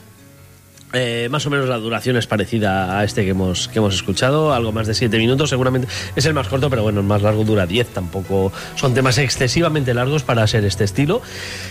Y un disco que a mí, francamente, se me pasa muy rápido. Es verdad que son, bueno, como decía Alfonso antes, que los discos 45 minutos, bueno, este dura prácticamente 50. Asequible, es un. A 10 minutos el tema son 5 temas. bueno, sí, son 6 temas, 6 temas, a 7 y pico, 8, sí, sí. Eh, y no son temas alargados. Eh, antinaturalmente como puedan hacer otras bandas que dices, bueno, con un solo riff no, bueno, ya habéis visto, ya habéis visto de que van estos Fires in the Distance, una propuesta yo creo que más que interesante y además de esos discos que agradeces tener en vinilo porque ya os digo, a mí el portadón me ha encantado. Pues muy eh, fantástico. Eh, eh, como traes teclados, pues yo no voy a traer teclados. Aunque sabes, sabéis que me gusta mucho el AOR con teclados. la propuesta que os traigo ahora es una banda alemana que teníamos un poquito mm, en la recámara esperando a ver qué pasaba con ellos. Y es que pues han tenido sus hijos, han esperado que se fueran a la universidad. los hijos, pues como está pasando actualmente, no se van tan rápido de casa como uno quiere. Otra vez con Angel, estamos otra vez con Angel. Y pues otros, otros como Angel, que se han despertado. Pero no me pises a mí en la Eurovisión, písale a Dani, que es el que te ha pisado a ti. Me caché la madre, verdad. Este grupo puede ser de. Nada, creo que lo pinches de Eurovisión, hombre. Estos ya los tienes más sobaos que sobaos. ¿Y qué? Quería pinchar a Scanner solo por dejarme venir ese día. Ah, también, ¿verdad? Por cancelar. pues en Alemania tenemos una banda que lleva 30 años sin sacar nada. Y estos maravillosos Zakan, con C delante y Z, CZ, Zakan, em, pues habían tirado, ya os digo, un tiempo sin, sin ofrecernos nada. No teníamos constancia de que, o yo al menos, no tenía constancia de que hubiera habido ninguna mm, pelea ni ninguna disputa. Simplemente, pues dejaron pasar el tiempo, su música no acabó de llegar a las emisoras. Eh, bueno, el primer disco sí, el del 89, el State of Confusion, sí que eh, tuvo mucha repercusión, pero luego, bueno, vinieron los 90, con los 90 hubo esta época convulsa de cambio musical, donde las tendencias eran otras, los grupos de hard rock ya no gustaban tanto, a no ser que cambiaran un poquito el estilo, y bueno, pues se dejó de escuchar. Em, entonces esta banda, pues con este revival que está viendo del tema de los 80, eh, reeditaron ese primer CD del 89, el State of Confusion, en, en febrero de este año, prometiéndonos que iban a traer nueva música. O sea, es en plan, bueno, volvemos, eh, os traemos esta reedición que, o sea, no tiene, está a años luz eh, sónicamente de la primera. O sea, agradecemos, gracias por haber reeditado el sonido, porque el sonido de la primera era bastante dantesco. Y, y, aparte dijeron, y os sacaremos un nuevo disco. Y este disco pues ha salido en abril, se llama Unreal y bueno, eh, básicamente pues tenemos a Oliver Guttinger. Em, que sigue llevando las voces y además lleva bueno lleva prácticamente todo la grabación la producción la mezcla el artwork o sea no puede hacer más eh, tenemos a las teclas a Tom Fain al bajo a Franz Scharf a la batería a Randy Arcachón y luego también tenemos a Michael Schenak Básicamente la formación se ha mantenido principalmente y lo bueno que tiene pues eso, que en general el álbum han recuperado los riffs que solían hacer, bastante, eh, era una música bastante rítmica, con eh, melodías, guitarras dobladas, a lo Thin y bueno, eh, canciones que se pueden cantar, se pueden corear y que, puedes, que pueden ir a cualquier concierto. Así que os dejo con este tema de Zakan y el tema Show Me All Your Love.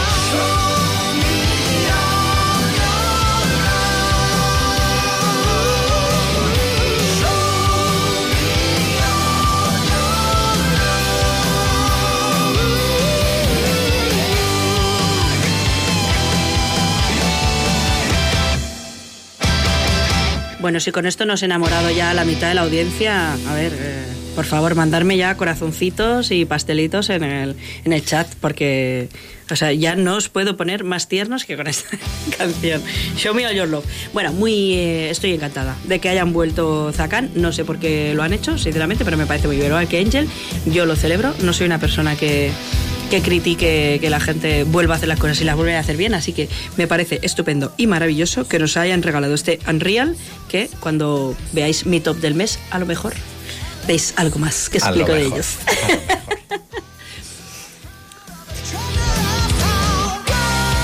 Pues 11 de la noche, encaramos la última hora del octavo día de este 30 de abril. Alfonso también con un poquito de ahora melódico. Sí.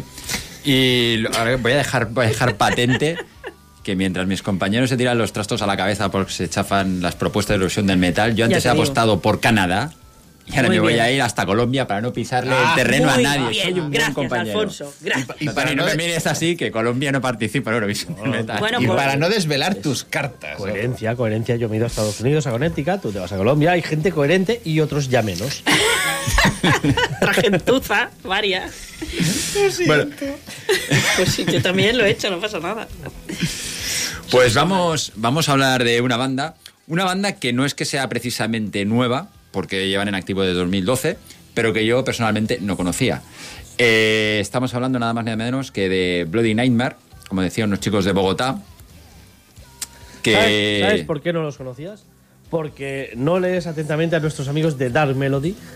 Todo el metal sudamericano, esto es publicidad, promoción pura y dura. Todo Me acabo de quedar Perdona, ¿eh? ¿Te han pagado dinero o no te han pagado dinero? No, pero son gente que se le ocurra muchísimo, que sabe un huevo y que me da la gana de promocionarlos, de dar Melody, todo el metal que quieras en Sudamérica y además es que flipas con la de países. Dices, ¿conoces algún grupo venezolano así, de saque? No, pues en The Dark Melody te hacen tops mensuales de Venezuela, de Bolivia, de, Ecuador, de todas partes. O sea que os lo recomiendo muchísimo y ahora sí, perdón, Alfonso, por la interrupción. Eh, solo, espero que hayan hablado de Bloody, de Bloody Sí, sí, sí, me, suenan de eso, de hecho. Por eso me lo has recordado. Bueno, pues como decíamos, que yo no tenía el placer de conocer a la banda y he escuchado lo que será, porque aún no ha salido, su nuevo trabajo, su segundo largo, se llama Pillars of, of Chaos. Y la verdad que es un disco que me ha llamado mucho la atención porque ellos empezaron, según dice su biografía, en tesituras más trasheras, pero han evolucionado y ahora se han decantado un poquito por ese speed metal con toques muy heavy metaleros clásicos. A mí me recuerdan mucho a esos Maiden cabalgantes de la primera época, por decirlo de alguna forma.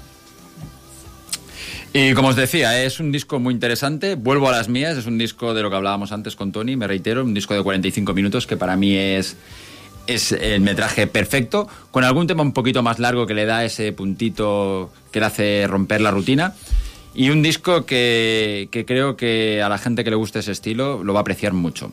Así que sin más dilación vamos a echarle una buena oída a lo que es el adelanto que se llama Midnight Legion.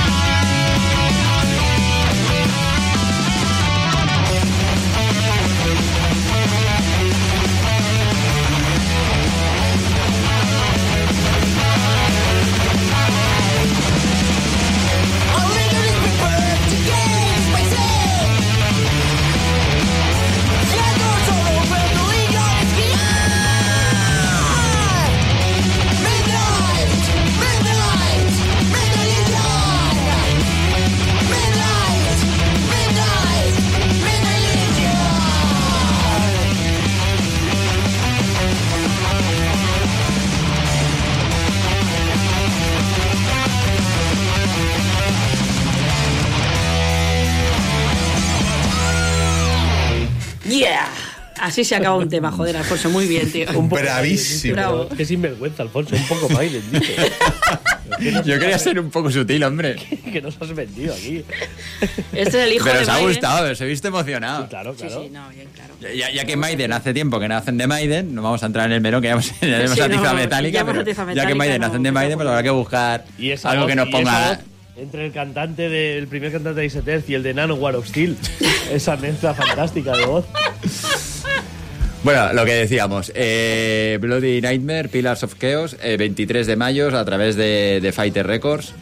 Disco que ya he tenido yo ocasión de escuchar entero y os digo que esta es una buena carta de presentación de temas que, que hemos escuchado. Si os gusta este rollo, ahí tenéis 10 temitas que giran por esas directrices. Toma ya, pues fantástico. Yo creo que si le metes un cortocircuito por el cable a los guitarras de Maiden, igual, igual sonarían así también. Es Maiden muy acelerado. Sí, Bueno, revolucionado. Mm. Muy bien. Desde luego. Bueno, Alfonso, pues. no sé. Sí, os voy a dejar que finiquitéis el programa. Yo ya... Nos has dejado bien planchados, vamos. ya- ya- No, no, después, de, después de esto ya. Pues bueno, pues que, que acabe bien el programa y nos escuchamos la semana que viene en el octavo día. Muy bien. Claro que sí. Fantástico. La semana pre-Eurovisión, ¿eh? Prepárate. Exacto. Y No no, os, pa- pisemos a no os nadie. paséis las, no os piséis las propuestas, por Solo favor, que traeré- haya paz. Solo traeré bandas japonesas, lo prometo. Por Tú, si acaso. Alfonso, lo que tienes que mirar es el- la propuesta esa que te hago para que me pases Sacred Outcry. Digo, Grecia, Eh, perdón. digo- Grecia. a cambio del país que tú quieras. No quiere presionarte y decirte que, que- lo- pinches ese tema No, para no, Grecia. No, no, O lo, que Tony no sabe, lo que, no, lo que Tony no sabe es que lo tengo ya aquí, es uno de los candidatos. No, no puede ser, no puede ser. No, Pero- me niego.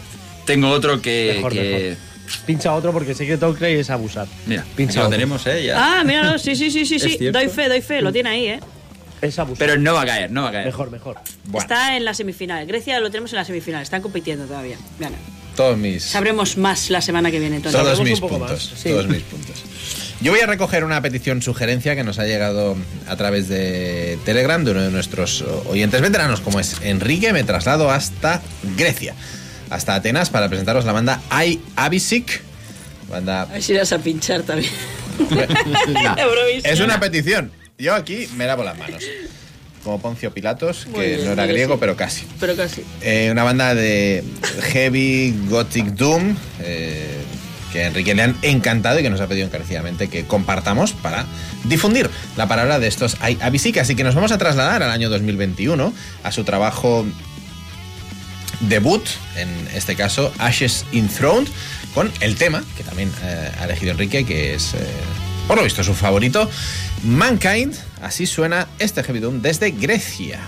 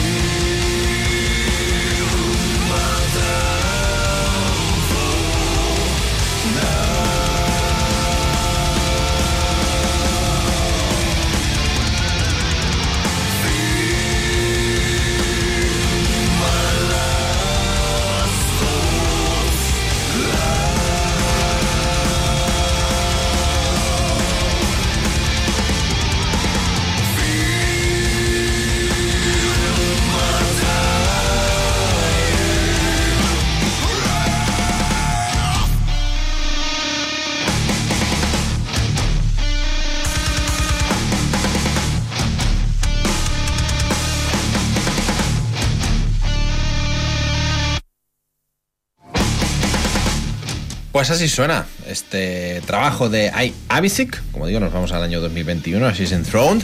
Una propuesta curiosa viniendo de Enrique, pero bueno, ya sabéis que se nos está yendo cada vez más al lado oscuro. Vuelve, Enrique, vuelve. Nos gusta el power metal y el epic, el symphonic, todo eso. Ya nos parece bien. No vayas al Doom. Deja a esta gentuza que lo hagan ellos, tío. Tú disfruta, pero no, no, no lo escuches así de propia voluntad, hombre. Sí, señor, pues bueno, nada, el quinteto griego, le decíamos antes, Tony, Grecia es uno de esos países que podríamos darle, de, dedicar a esta sección puto griego también. Sí, absolutamente, es una burrada. De hecho, acabo de soltarle a No Rimos Records más de 300 euros en el último pedido. Es cierto que entre bastantes y tal que había que conseguir el vinilo ese de Secret Dotkai que, que era edición especial para el Keep It True y habían solo algunas unidades, pero, pero que sí, que no dejan de. pero tú no eres un adicto, Tony, o sea, tú no eres adicto. No, no, yo, no, yo no soy. Tú controlas. Eso. Lo dejo cuando quiera. Exacto. Lo dejo cuando yo quiera. mañana puedo dejar de comprar discos. Si Muy quiero. bien. Bueno, pasado mañana, porque mañana. te- bueno. Va al pedido, Lo puedo- mañana va al pedido. lo puedo dejar. No, es- en serio, lo puedo dejar. Me parto. Pero no quiero. Eh, sí. Mira, podría dejarlo, pero no me da la gana. ¿Sabes? Eh, o sea, yo lo puedo dejar cuando quiera, pero ahora mismo no me da Correcto. la gana. Ya está. Exacto.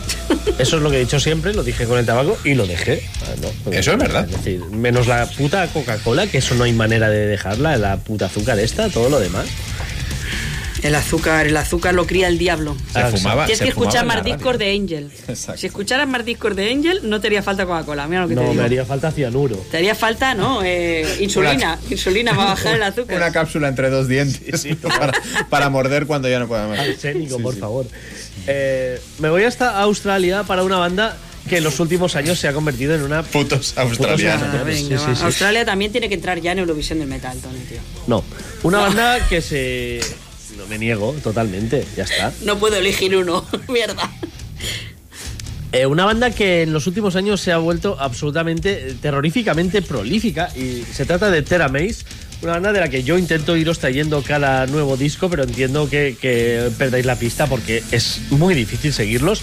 Desde que en 2015 editaran Her Hollow y tuvieron un silencio discográfico de cuatro años hasta We Are Soldiers, a partir de este We Are Soldiers, eh, Are We Soldiers, perdona, de, de 2019, a partir de ahí no han ido a disco por año. Es que algún año han sacado dos discos.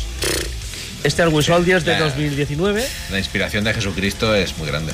I Wonder del 2020, Señor. Sorella Minore, un discazo en 2021, pero es que en 2021 And the Beauty They Perceive, aún a finales de año, que me parece el mejor disco de, de Maze de, de largo, me encanta ese disco. O sea, y era el Sí, segundo que sacaban hablando ese año. ese, en el chat. Sí, sí. Y poco Sí, sí. después, Y poco 2022, después, 2022, el Flight of the Wounded, que para mí supuso un pequeño. O sea, lo compré también, ¿eh? porque no estoy enfermo, pero, pero supuso un pequeño. Yo controlo cuando quiero. Sí, me, me pareció un poco saturado. Lo No- compré pero a desgana, ¿vale, Dani? Exacto. Lo compré pero a desgana. Sí, sí, me obligaron. Eh, un poco de, saturación. Y es muy difícil ¿eh? comprar discos de Teramace, es imposible comprarlos aquí. Te lo puedes, lo puedes conseguir a través de Estados Unidos o de Australia. Eh, Australia es imposible, ya os lo digo, no podéis pagarlo. Y de Estados Unidos, algún retailer os podéis hacer algún truco, pero es muy difícil conseguir. O sea, amigos del octavo día que nos escucháis, si alguno tiene planeado este verano irse de vacaciones a Australia, ah, avisarnos, por favor. Dos maletas vacías para ir. Semana de antelación. Y que vuelvan llenas, correcto. Os pagamos el, el fee este de las maletas, no pasa nada, se lo pagamos Y si vais a Japón o Corea, también. Japón o Corea también, pagamos. Bueno, estábamos en Dala Volta, que es la nueva propuesta que salía no el 28, no este viernes pasado 28 de abril, sino el jueves 27, un día menos en Australia. Exacto, exacto. Y es que Dala Volta iba a ser un EP Iba a ser de hecho un LP, pero eh, les ha parecido que iban a tardar demasiado eh, viendo su, productividad últimamente y han decidido que, bueno, pues que como ya tenían cuatro o cinco temas, en lugar de sacar un EP, ¿por qué no regrabamos temas antiguos? ¿Por qué no hacemos versiones diferentes de, temas eh, de otros discos? Juntamos 11 piezas en total y, y las, sacamos como, como disco. Pues eso es Da la Vuelta. Un disco nuevo, como digo, con cuatro temas nuevos únicamente y el resto son regrabaciones. Algunas de ellas, por eso, muy interesante, la verdad. Eh, la nueva visión de Shadows 2 a mí me ha gustado bastante. Y la versión a piano de Waves, Waves que es del disco The Beauty de Perceive, que es un temazo. La versión a piano de Waves que sale aquí me parece exquisita, deliciosa. No nos vamos a quedar evidentemente con nada de ello porque nos vamos con el tema que abre, y que es uno de los temas eh, nuevos. Terra tiene una cosa básica, que es la melodía y una voz muy característica.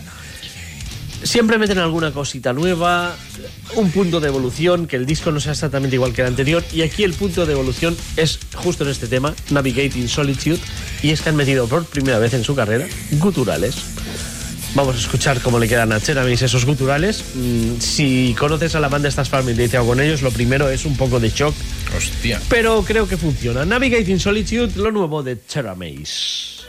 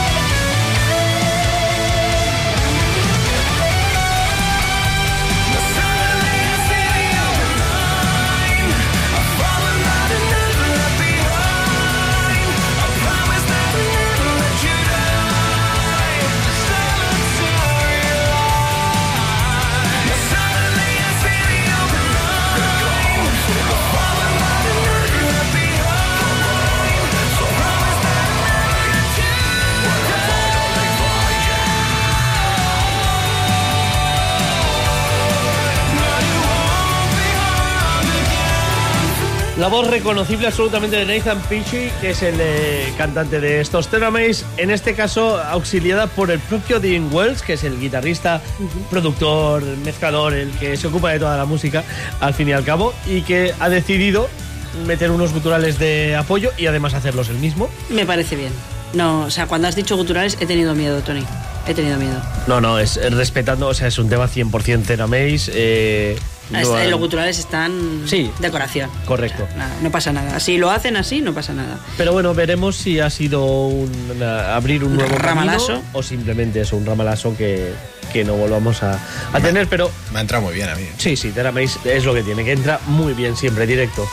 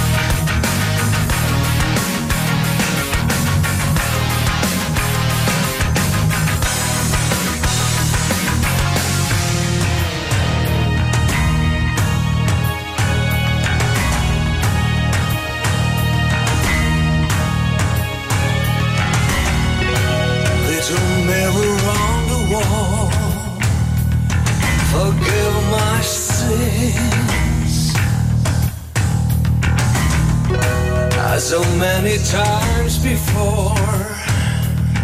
Your come, come.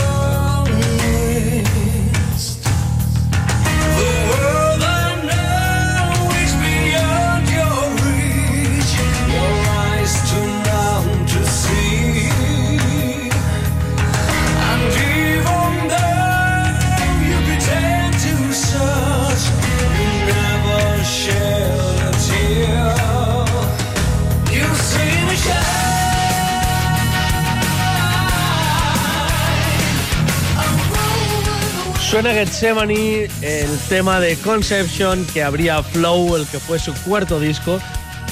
Una banda Conception a la que esperábamos en Barcelona desde hace mucho tiempo, que tenían programada una actuación aquí hace tres años, que se ha ido posponiendo año a año.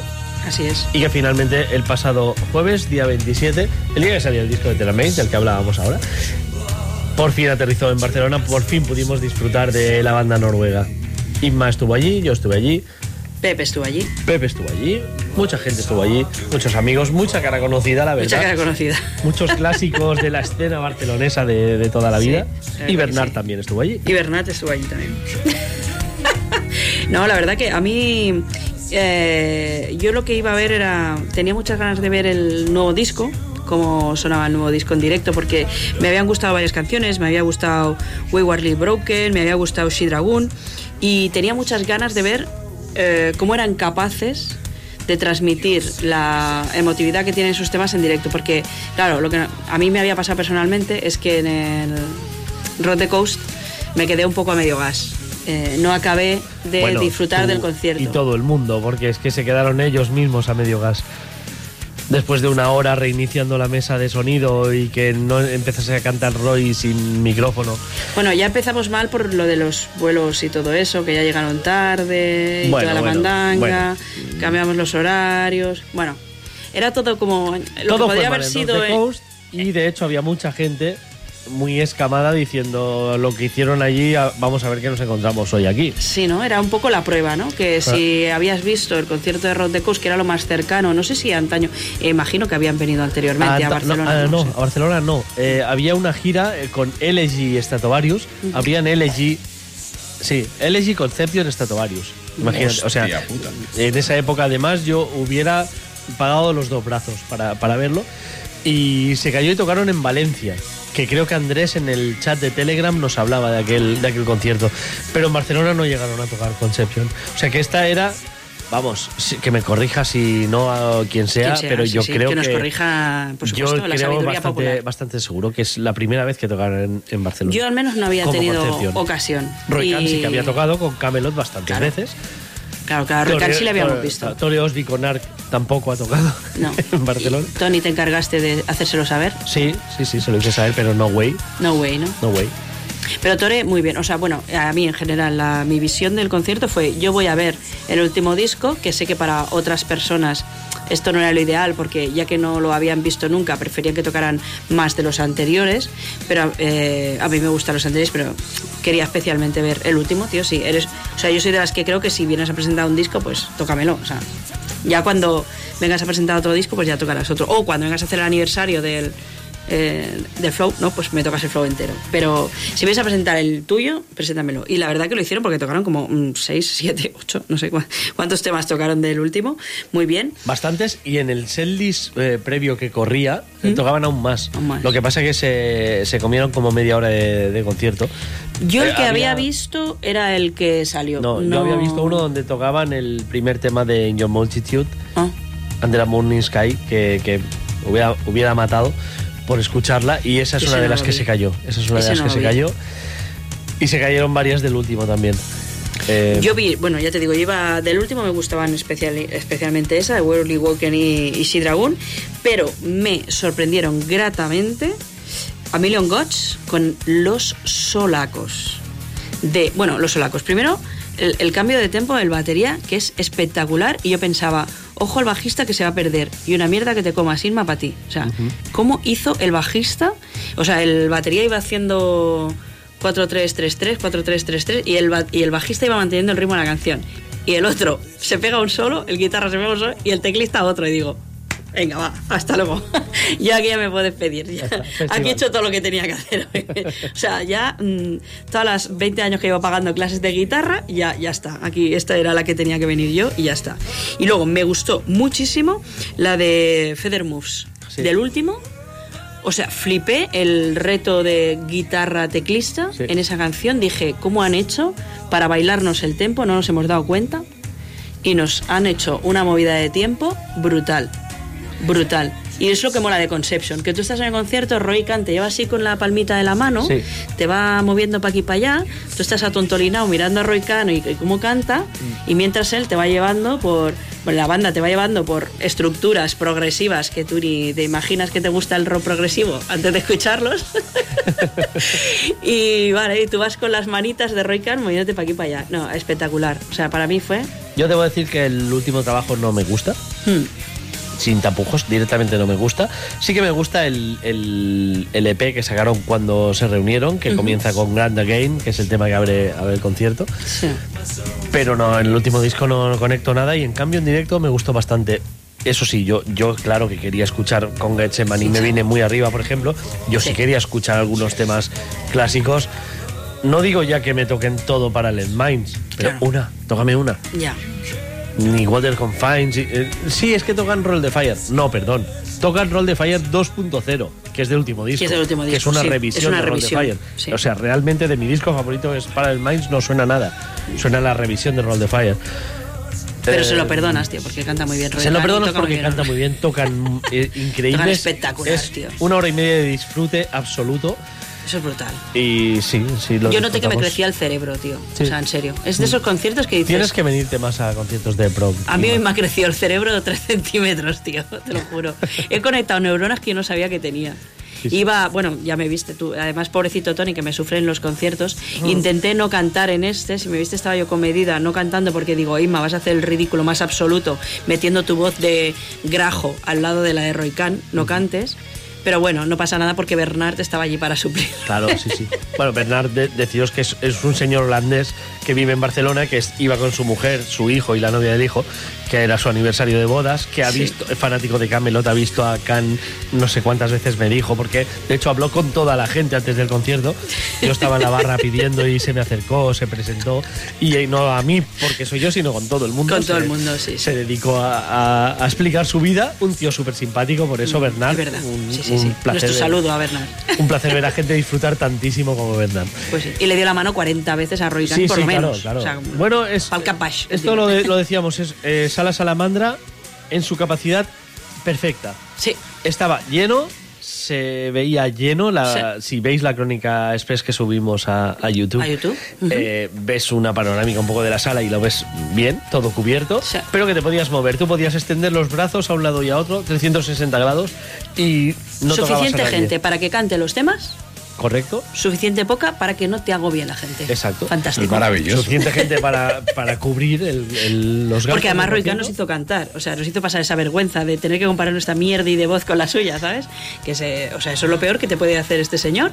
Dice, no, este tema cantarlo vosotros, tu madre, ¿sabes? O sea, no. ¿Por qué? A mí, yo, si le tengo que sacar una pega, para mí fue el acústico. Las dos canciones del acústico no me gustan. Total. Bueno, uh, Silent Crying a, mí es que es una canción que me... No es que no me gusten las canciones, es que no me gusta cómo las hicieron. Ya, pero a mí esa canción me, toca, me toca. Y esa, esa, la verdad es que. ¿Las podemos mover a eléctrico, por favor? Os lo agradecería, señores de Conception. Esa no iba a cambiar prácticamente nada, ¿eh? también te lo digo. Mm. Iba a cambiar poquito, es, es así esa canción. Sí, pero no, bueno, sí, bueno. No, no, no, a mí también me sobra todo el rollo este de sentarse en taburetes, hacer acústicas y tal. Entiendo que a Roy le guste porque así se puede quitar los plugins de los oídos y puede cantar a voz abierta. Lo entiendo que a él le guste, pero eh, Roy, de verdad, desde el cariño, from, from my heart. If you listen to me, eh, no, tío no nos mola, no mola, tío. Tienes que cantar, ponte los audífonos, ponte lo que sea, pero tienes que cantar eléctrico que molas mucho. Hace 30 años vi en todo un estadio olímpico montar un sofá y los Guns N' Roses sentarse a tocar temas de, del Lice. Pues te acompaña en el sentimiento. Eh, entonces, a partir de ahí, ya es, que, ya... es que me da igual. O sea, bueno, voy hasta hacer un set acústico. No va a ser peor que no, la a mí me gusta, media por ejemplo, hora que se tiraron Escúchame, Tony. Jeff Soto te mete medio concierto en acústico, ¿tú te quejas? Yo no. Pues eso, ya está. Yo no. Ya está. Pero no, ese no me gustó, ese, ese trocito, bueno, esa canción no me gusta, ¿no? De todas maneras, también fue recortado del setlist que yo había visto, o sea que para mí fue como, bueno, vale, solo, solo dos. Venga, lo, superamos rápido. Venga, compro. Es como eh, hablábamos la semana pasada del solo de Terrana en el, en el de batería en Avalanche. Mm, a quien le gusten los solos de batería, bien, a mí no. ¿Diez minutos de solo de batería? No. ¿Es Terrana? Sí, es Terrana, pero no. Claro, pero si fuera porno ya. Si fuera porno, eh, puede hacer dos el Solo batería puede ser todo el concierto. Ya te, ya te estoy pillando, ya. Lo gracioso de porno. Porque con los Winner y dos, lo único que te gusta es el solo de batería, te voy a comentar. Ni eso. No, no es que no le hace falta hacer solo de batería porno.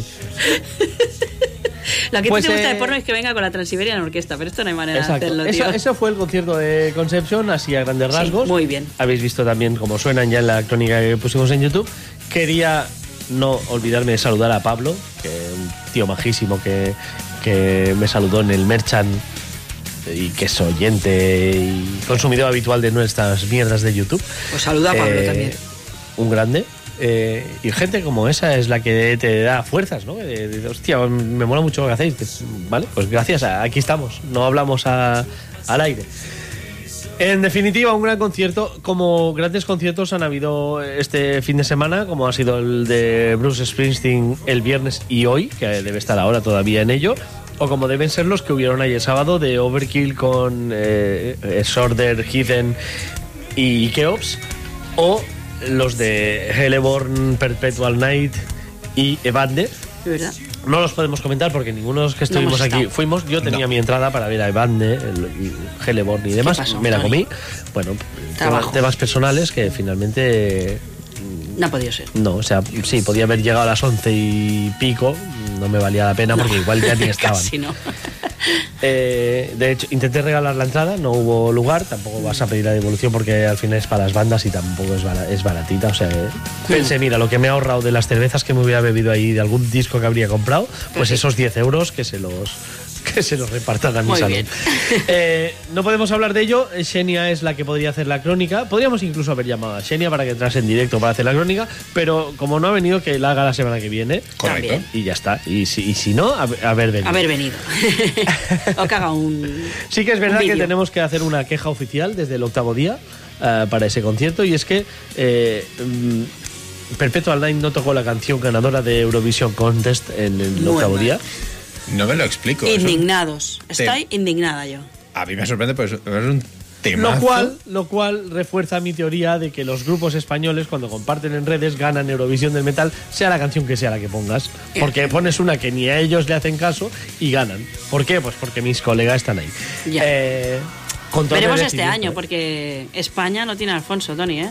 Ya, ya, Tenemos ahí. Es un peligro, es un peligro. Hasta que no me toque a Y mí tú no España- tienes San Marino. Bueno, pero tengo que sería la única opción que tendríamos de que tú ganaras a España. No, tengo Bulgaria, que Bulgaria ya ganó conmigo. Ya ganó contigo Bulgaria. ¿eh? Sí, que, que sí, los, sí. Tengo, los tengo de amigos a todos aún, ¿eh? Hostia. A todos los que votaron ahí, ¿eh? Hostia. Ojo, ¿eh? Todavía los mantengo de amigos en el Facebook.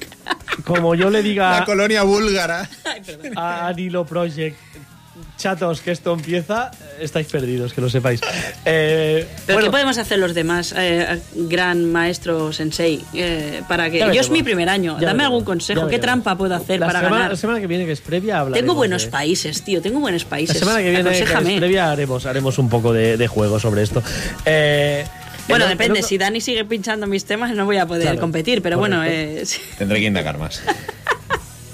Eh, como digo, también hubo el concierto de Overkill y aunque nosotros no estuvimos y nos pueden, sí que nos podían, eh, bueno, Alfonso no nos ha... nos podría haber hecho un poco de crítica, es verdad, mira, lo hemos dejado marchar. hacerlo. Pero sí que es verdad que, que a mí me, me han llegado tres inputs diferentes por vías diferentes, además todos coincidentes, que es eh, Heathen eh, no se veía y se oía de aquella manera. Ujú.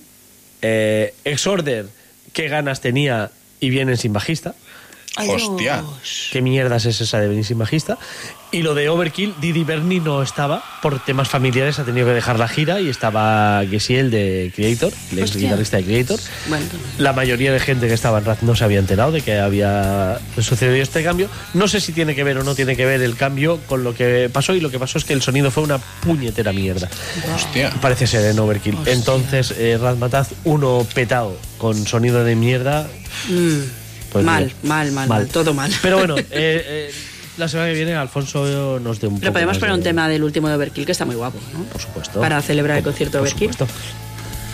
No sé. Además, eh, a, a mí de ese tema, y, a- o sea, de ese disco hay temas que me gustan muchísimo Hmm. y creo que es, que es buen momento para, para pinchar el Sí, el porque no segundo- habíamos pinchado nada de Overkill, No creo, del lo- último no lo disco, hemos puesto, el- porque el salía del- hacía poco, ¿no? Del Scorch, nada. Creo que no, cierto, cierto. Y, y yo después de escuchar el, el disco, la verdad es que es una, es una banda que, que la fórmula es la misma, cambiando muy poquito. Pero si No lo sé. que haces suena bien, tío, Sí. tampoco hace falta cambiarlo, es lo que decimos siempre, que no, en el programa, o sea, si lo haces bien y pues ya está. Pero ya no es cambiarlo. toques. es, es que. Bueno, es que dices, es que me voy a aburrir otra vez con ellos. Y, y no, porque aunque quisieras aburrirte, y entiendas el término aburrirte, decir otra vez lo mismo, pues por ejemplo, yo, el segundo corte de este disco me parece extraordinario. Eh, Tani. Pues vamos a darle. Procedamos. Going Home.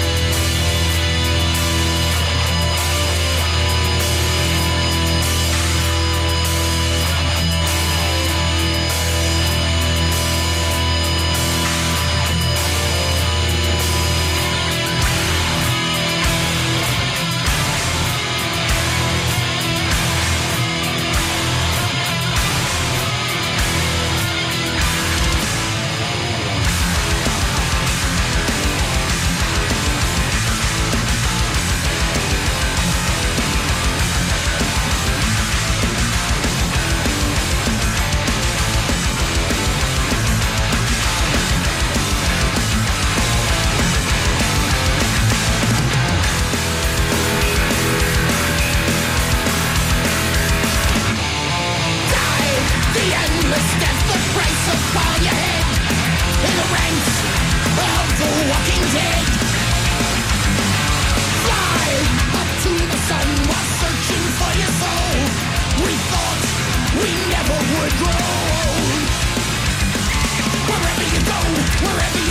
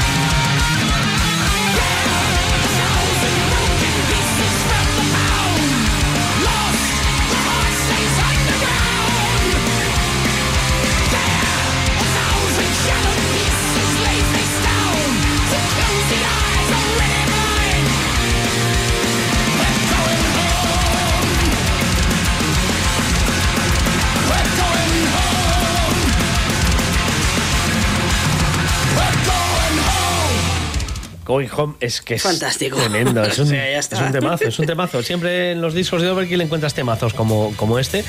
Y si ya nos confirma Alfonso la semana que viene, eh, pero bueno, los que fuisteis también nos podéis, nos podéis eh, decir por redes si realmente tuvo ese mal sonido o me han engañado.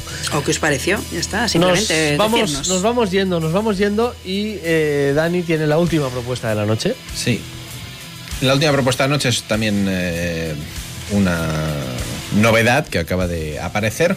Pusimos el adelanto hace unas semanas, hablamos con, eh, algunos de nuestros oyentes en el chat de estos eh, japoneses llamados Defiled, toda una institución del death metal en Japón, banda que actualmente saca sus discos a través de la discográfica Season of Mist y que acaban de regresar con The Highest Level. Habíamos puesto en su día el adelanto y nos vamos a ir con eh, ya uno de los temas que conforman auténtico discazo de death metal nipón. Así que no sé, Tony, si nos despedimos directamente nos- hasta la nos- semana que viene. Nos vamos, la próxima semana será 7 de mayo, habremos visto a Lacrimosa, eh, entre otros. Os Sí, hablaré sí. de os hablaré de rock gótico la semana que viene, sí. Sí, sí, Hostia, Tony hablando de rock gótico. ¿eh? Bestial. Solo por esto ya vale la pena venir la semana Bueno, que viene. Lacrimosa son es un grupo que, que sobrepasa Yo puede las ser que venga, puede ser que no. Bueno. Ahí lo dejo, porque toca, si viene of Tate, si finalmente no se vuelve a aplazar por una 34 vez, Viene, viene. igual eh, no vengo al programa. Bueno. Fantástico, pues. Pero la solo por ver a. Tony hablar de Lacrimosa, estoy por conectarme en medio del concierto de of Tate. Cuando vayáis a hablar de Lacrimosa, llamarme. Te llamamos y Yo he hablado Y me conecto a la de radio. Lacrimosa. Yo siempre he seguido a Lacrimosa desde siempre. Es una de mis cosas raras. Bueno, Es siempre. un guilty pleasure. No, no, de guilty. Nada de guilty. Nada guilty. no, no. Pleasure a saco. Muy bien. Pues bueno, pues nada, hasta la semana que viene. Si vengo viene. nos vemos, si no, pues eh, Si no, nos veremos en el Eurovisión del perderás. Metal, que tengo los mejores países. Te perderás los truquitos que, que explicaré la semana que viene para Eres ganar. un gerna, eres la más mala persona que he conocido en el mundo. O sea, entre que te aguanto en los conciertos, luego no me compartes los trucos de la Eurovisión del Metal, o sea, no se puede tener peor amigo que tú. Imagínate. Lo que te digo ahora. Así. Pues es así. Hasta la semana que viene o la otra. Adiós, nos vamos con Defiled Demonization.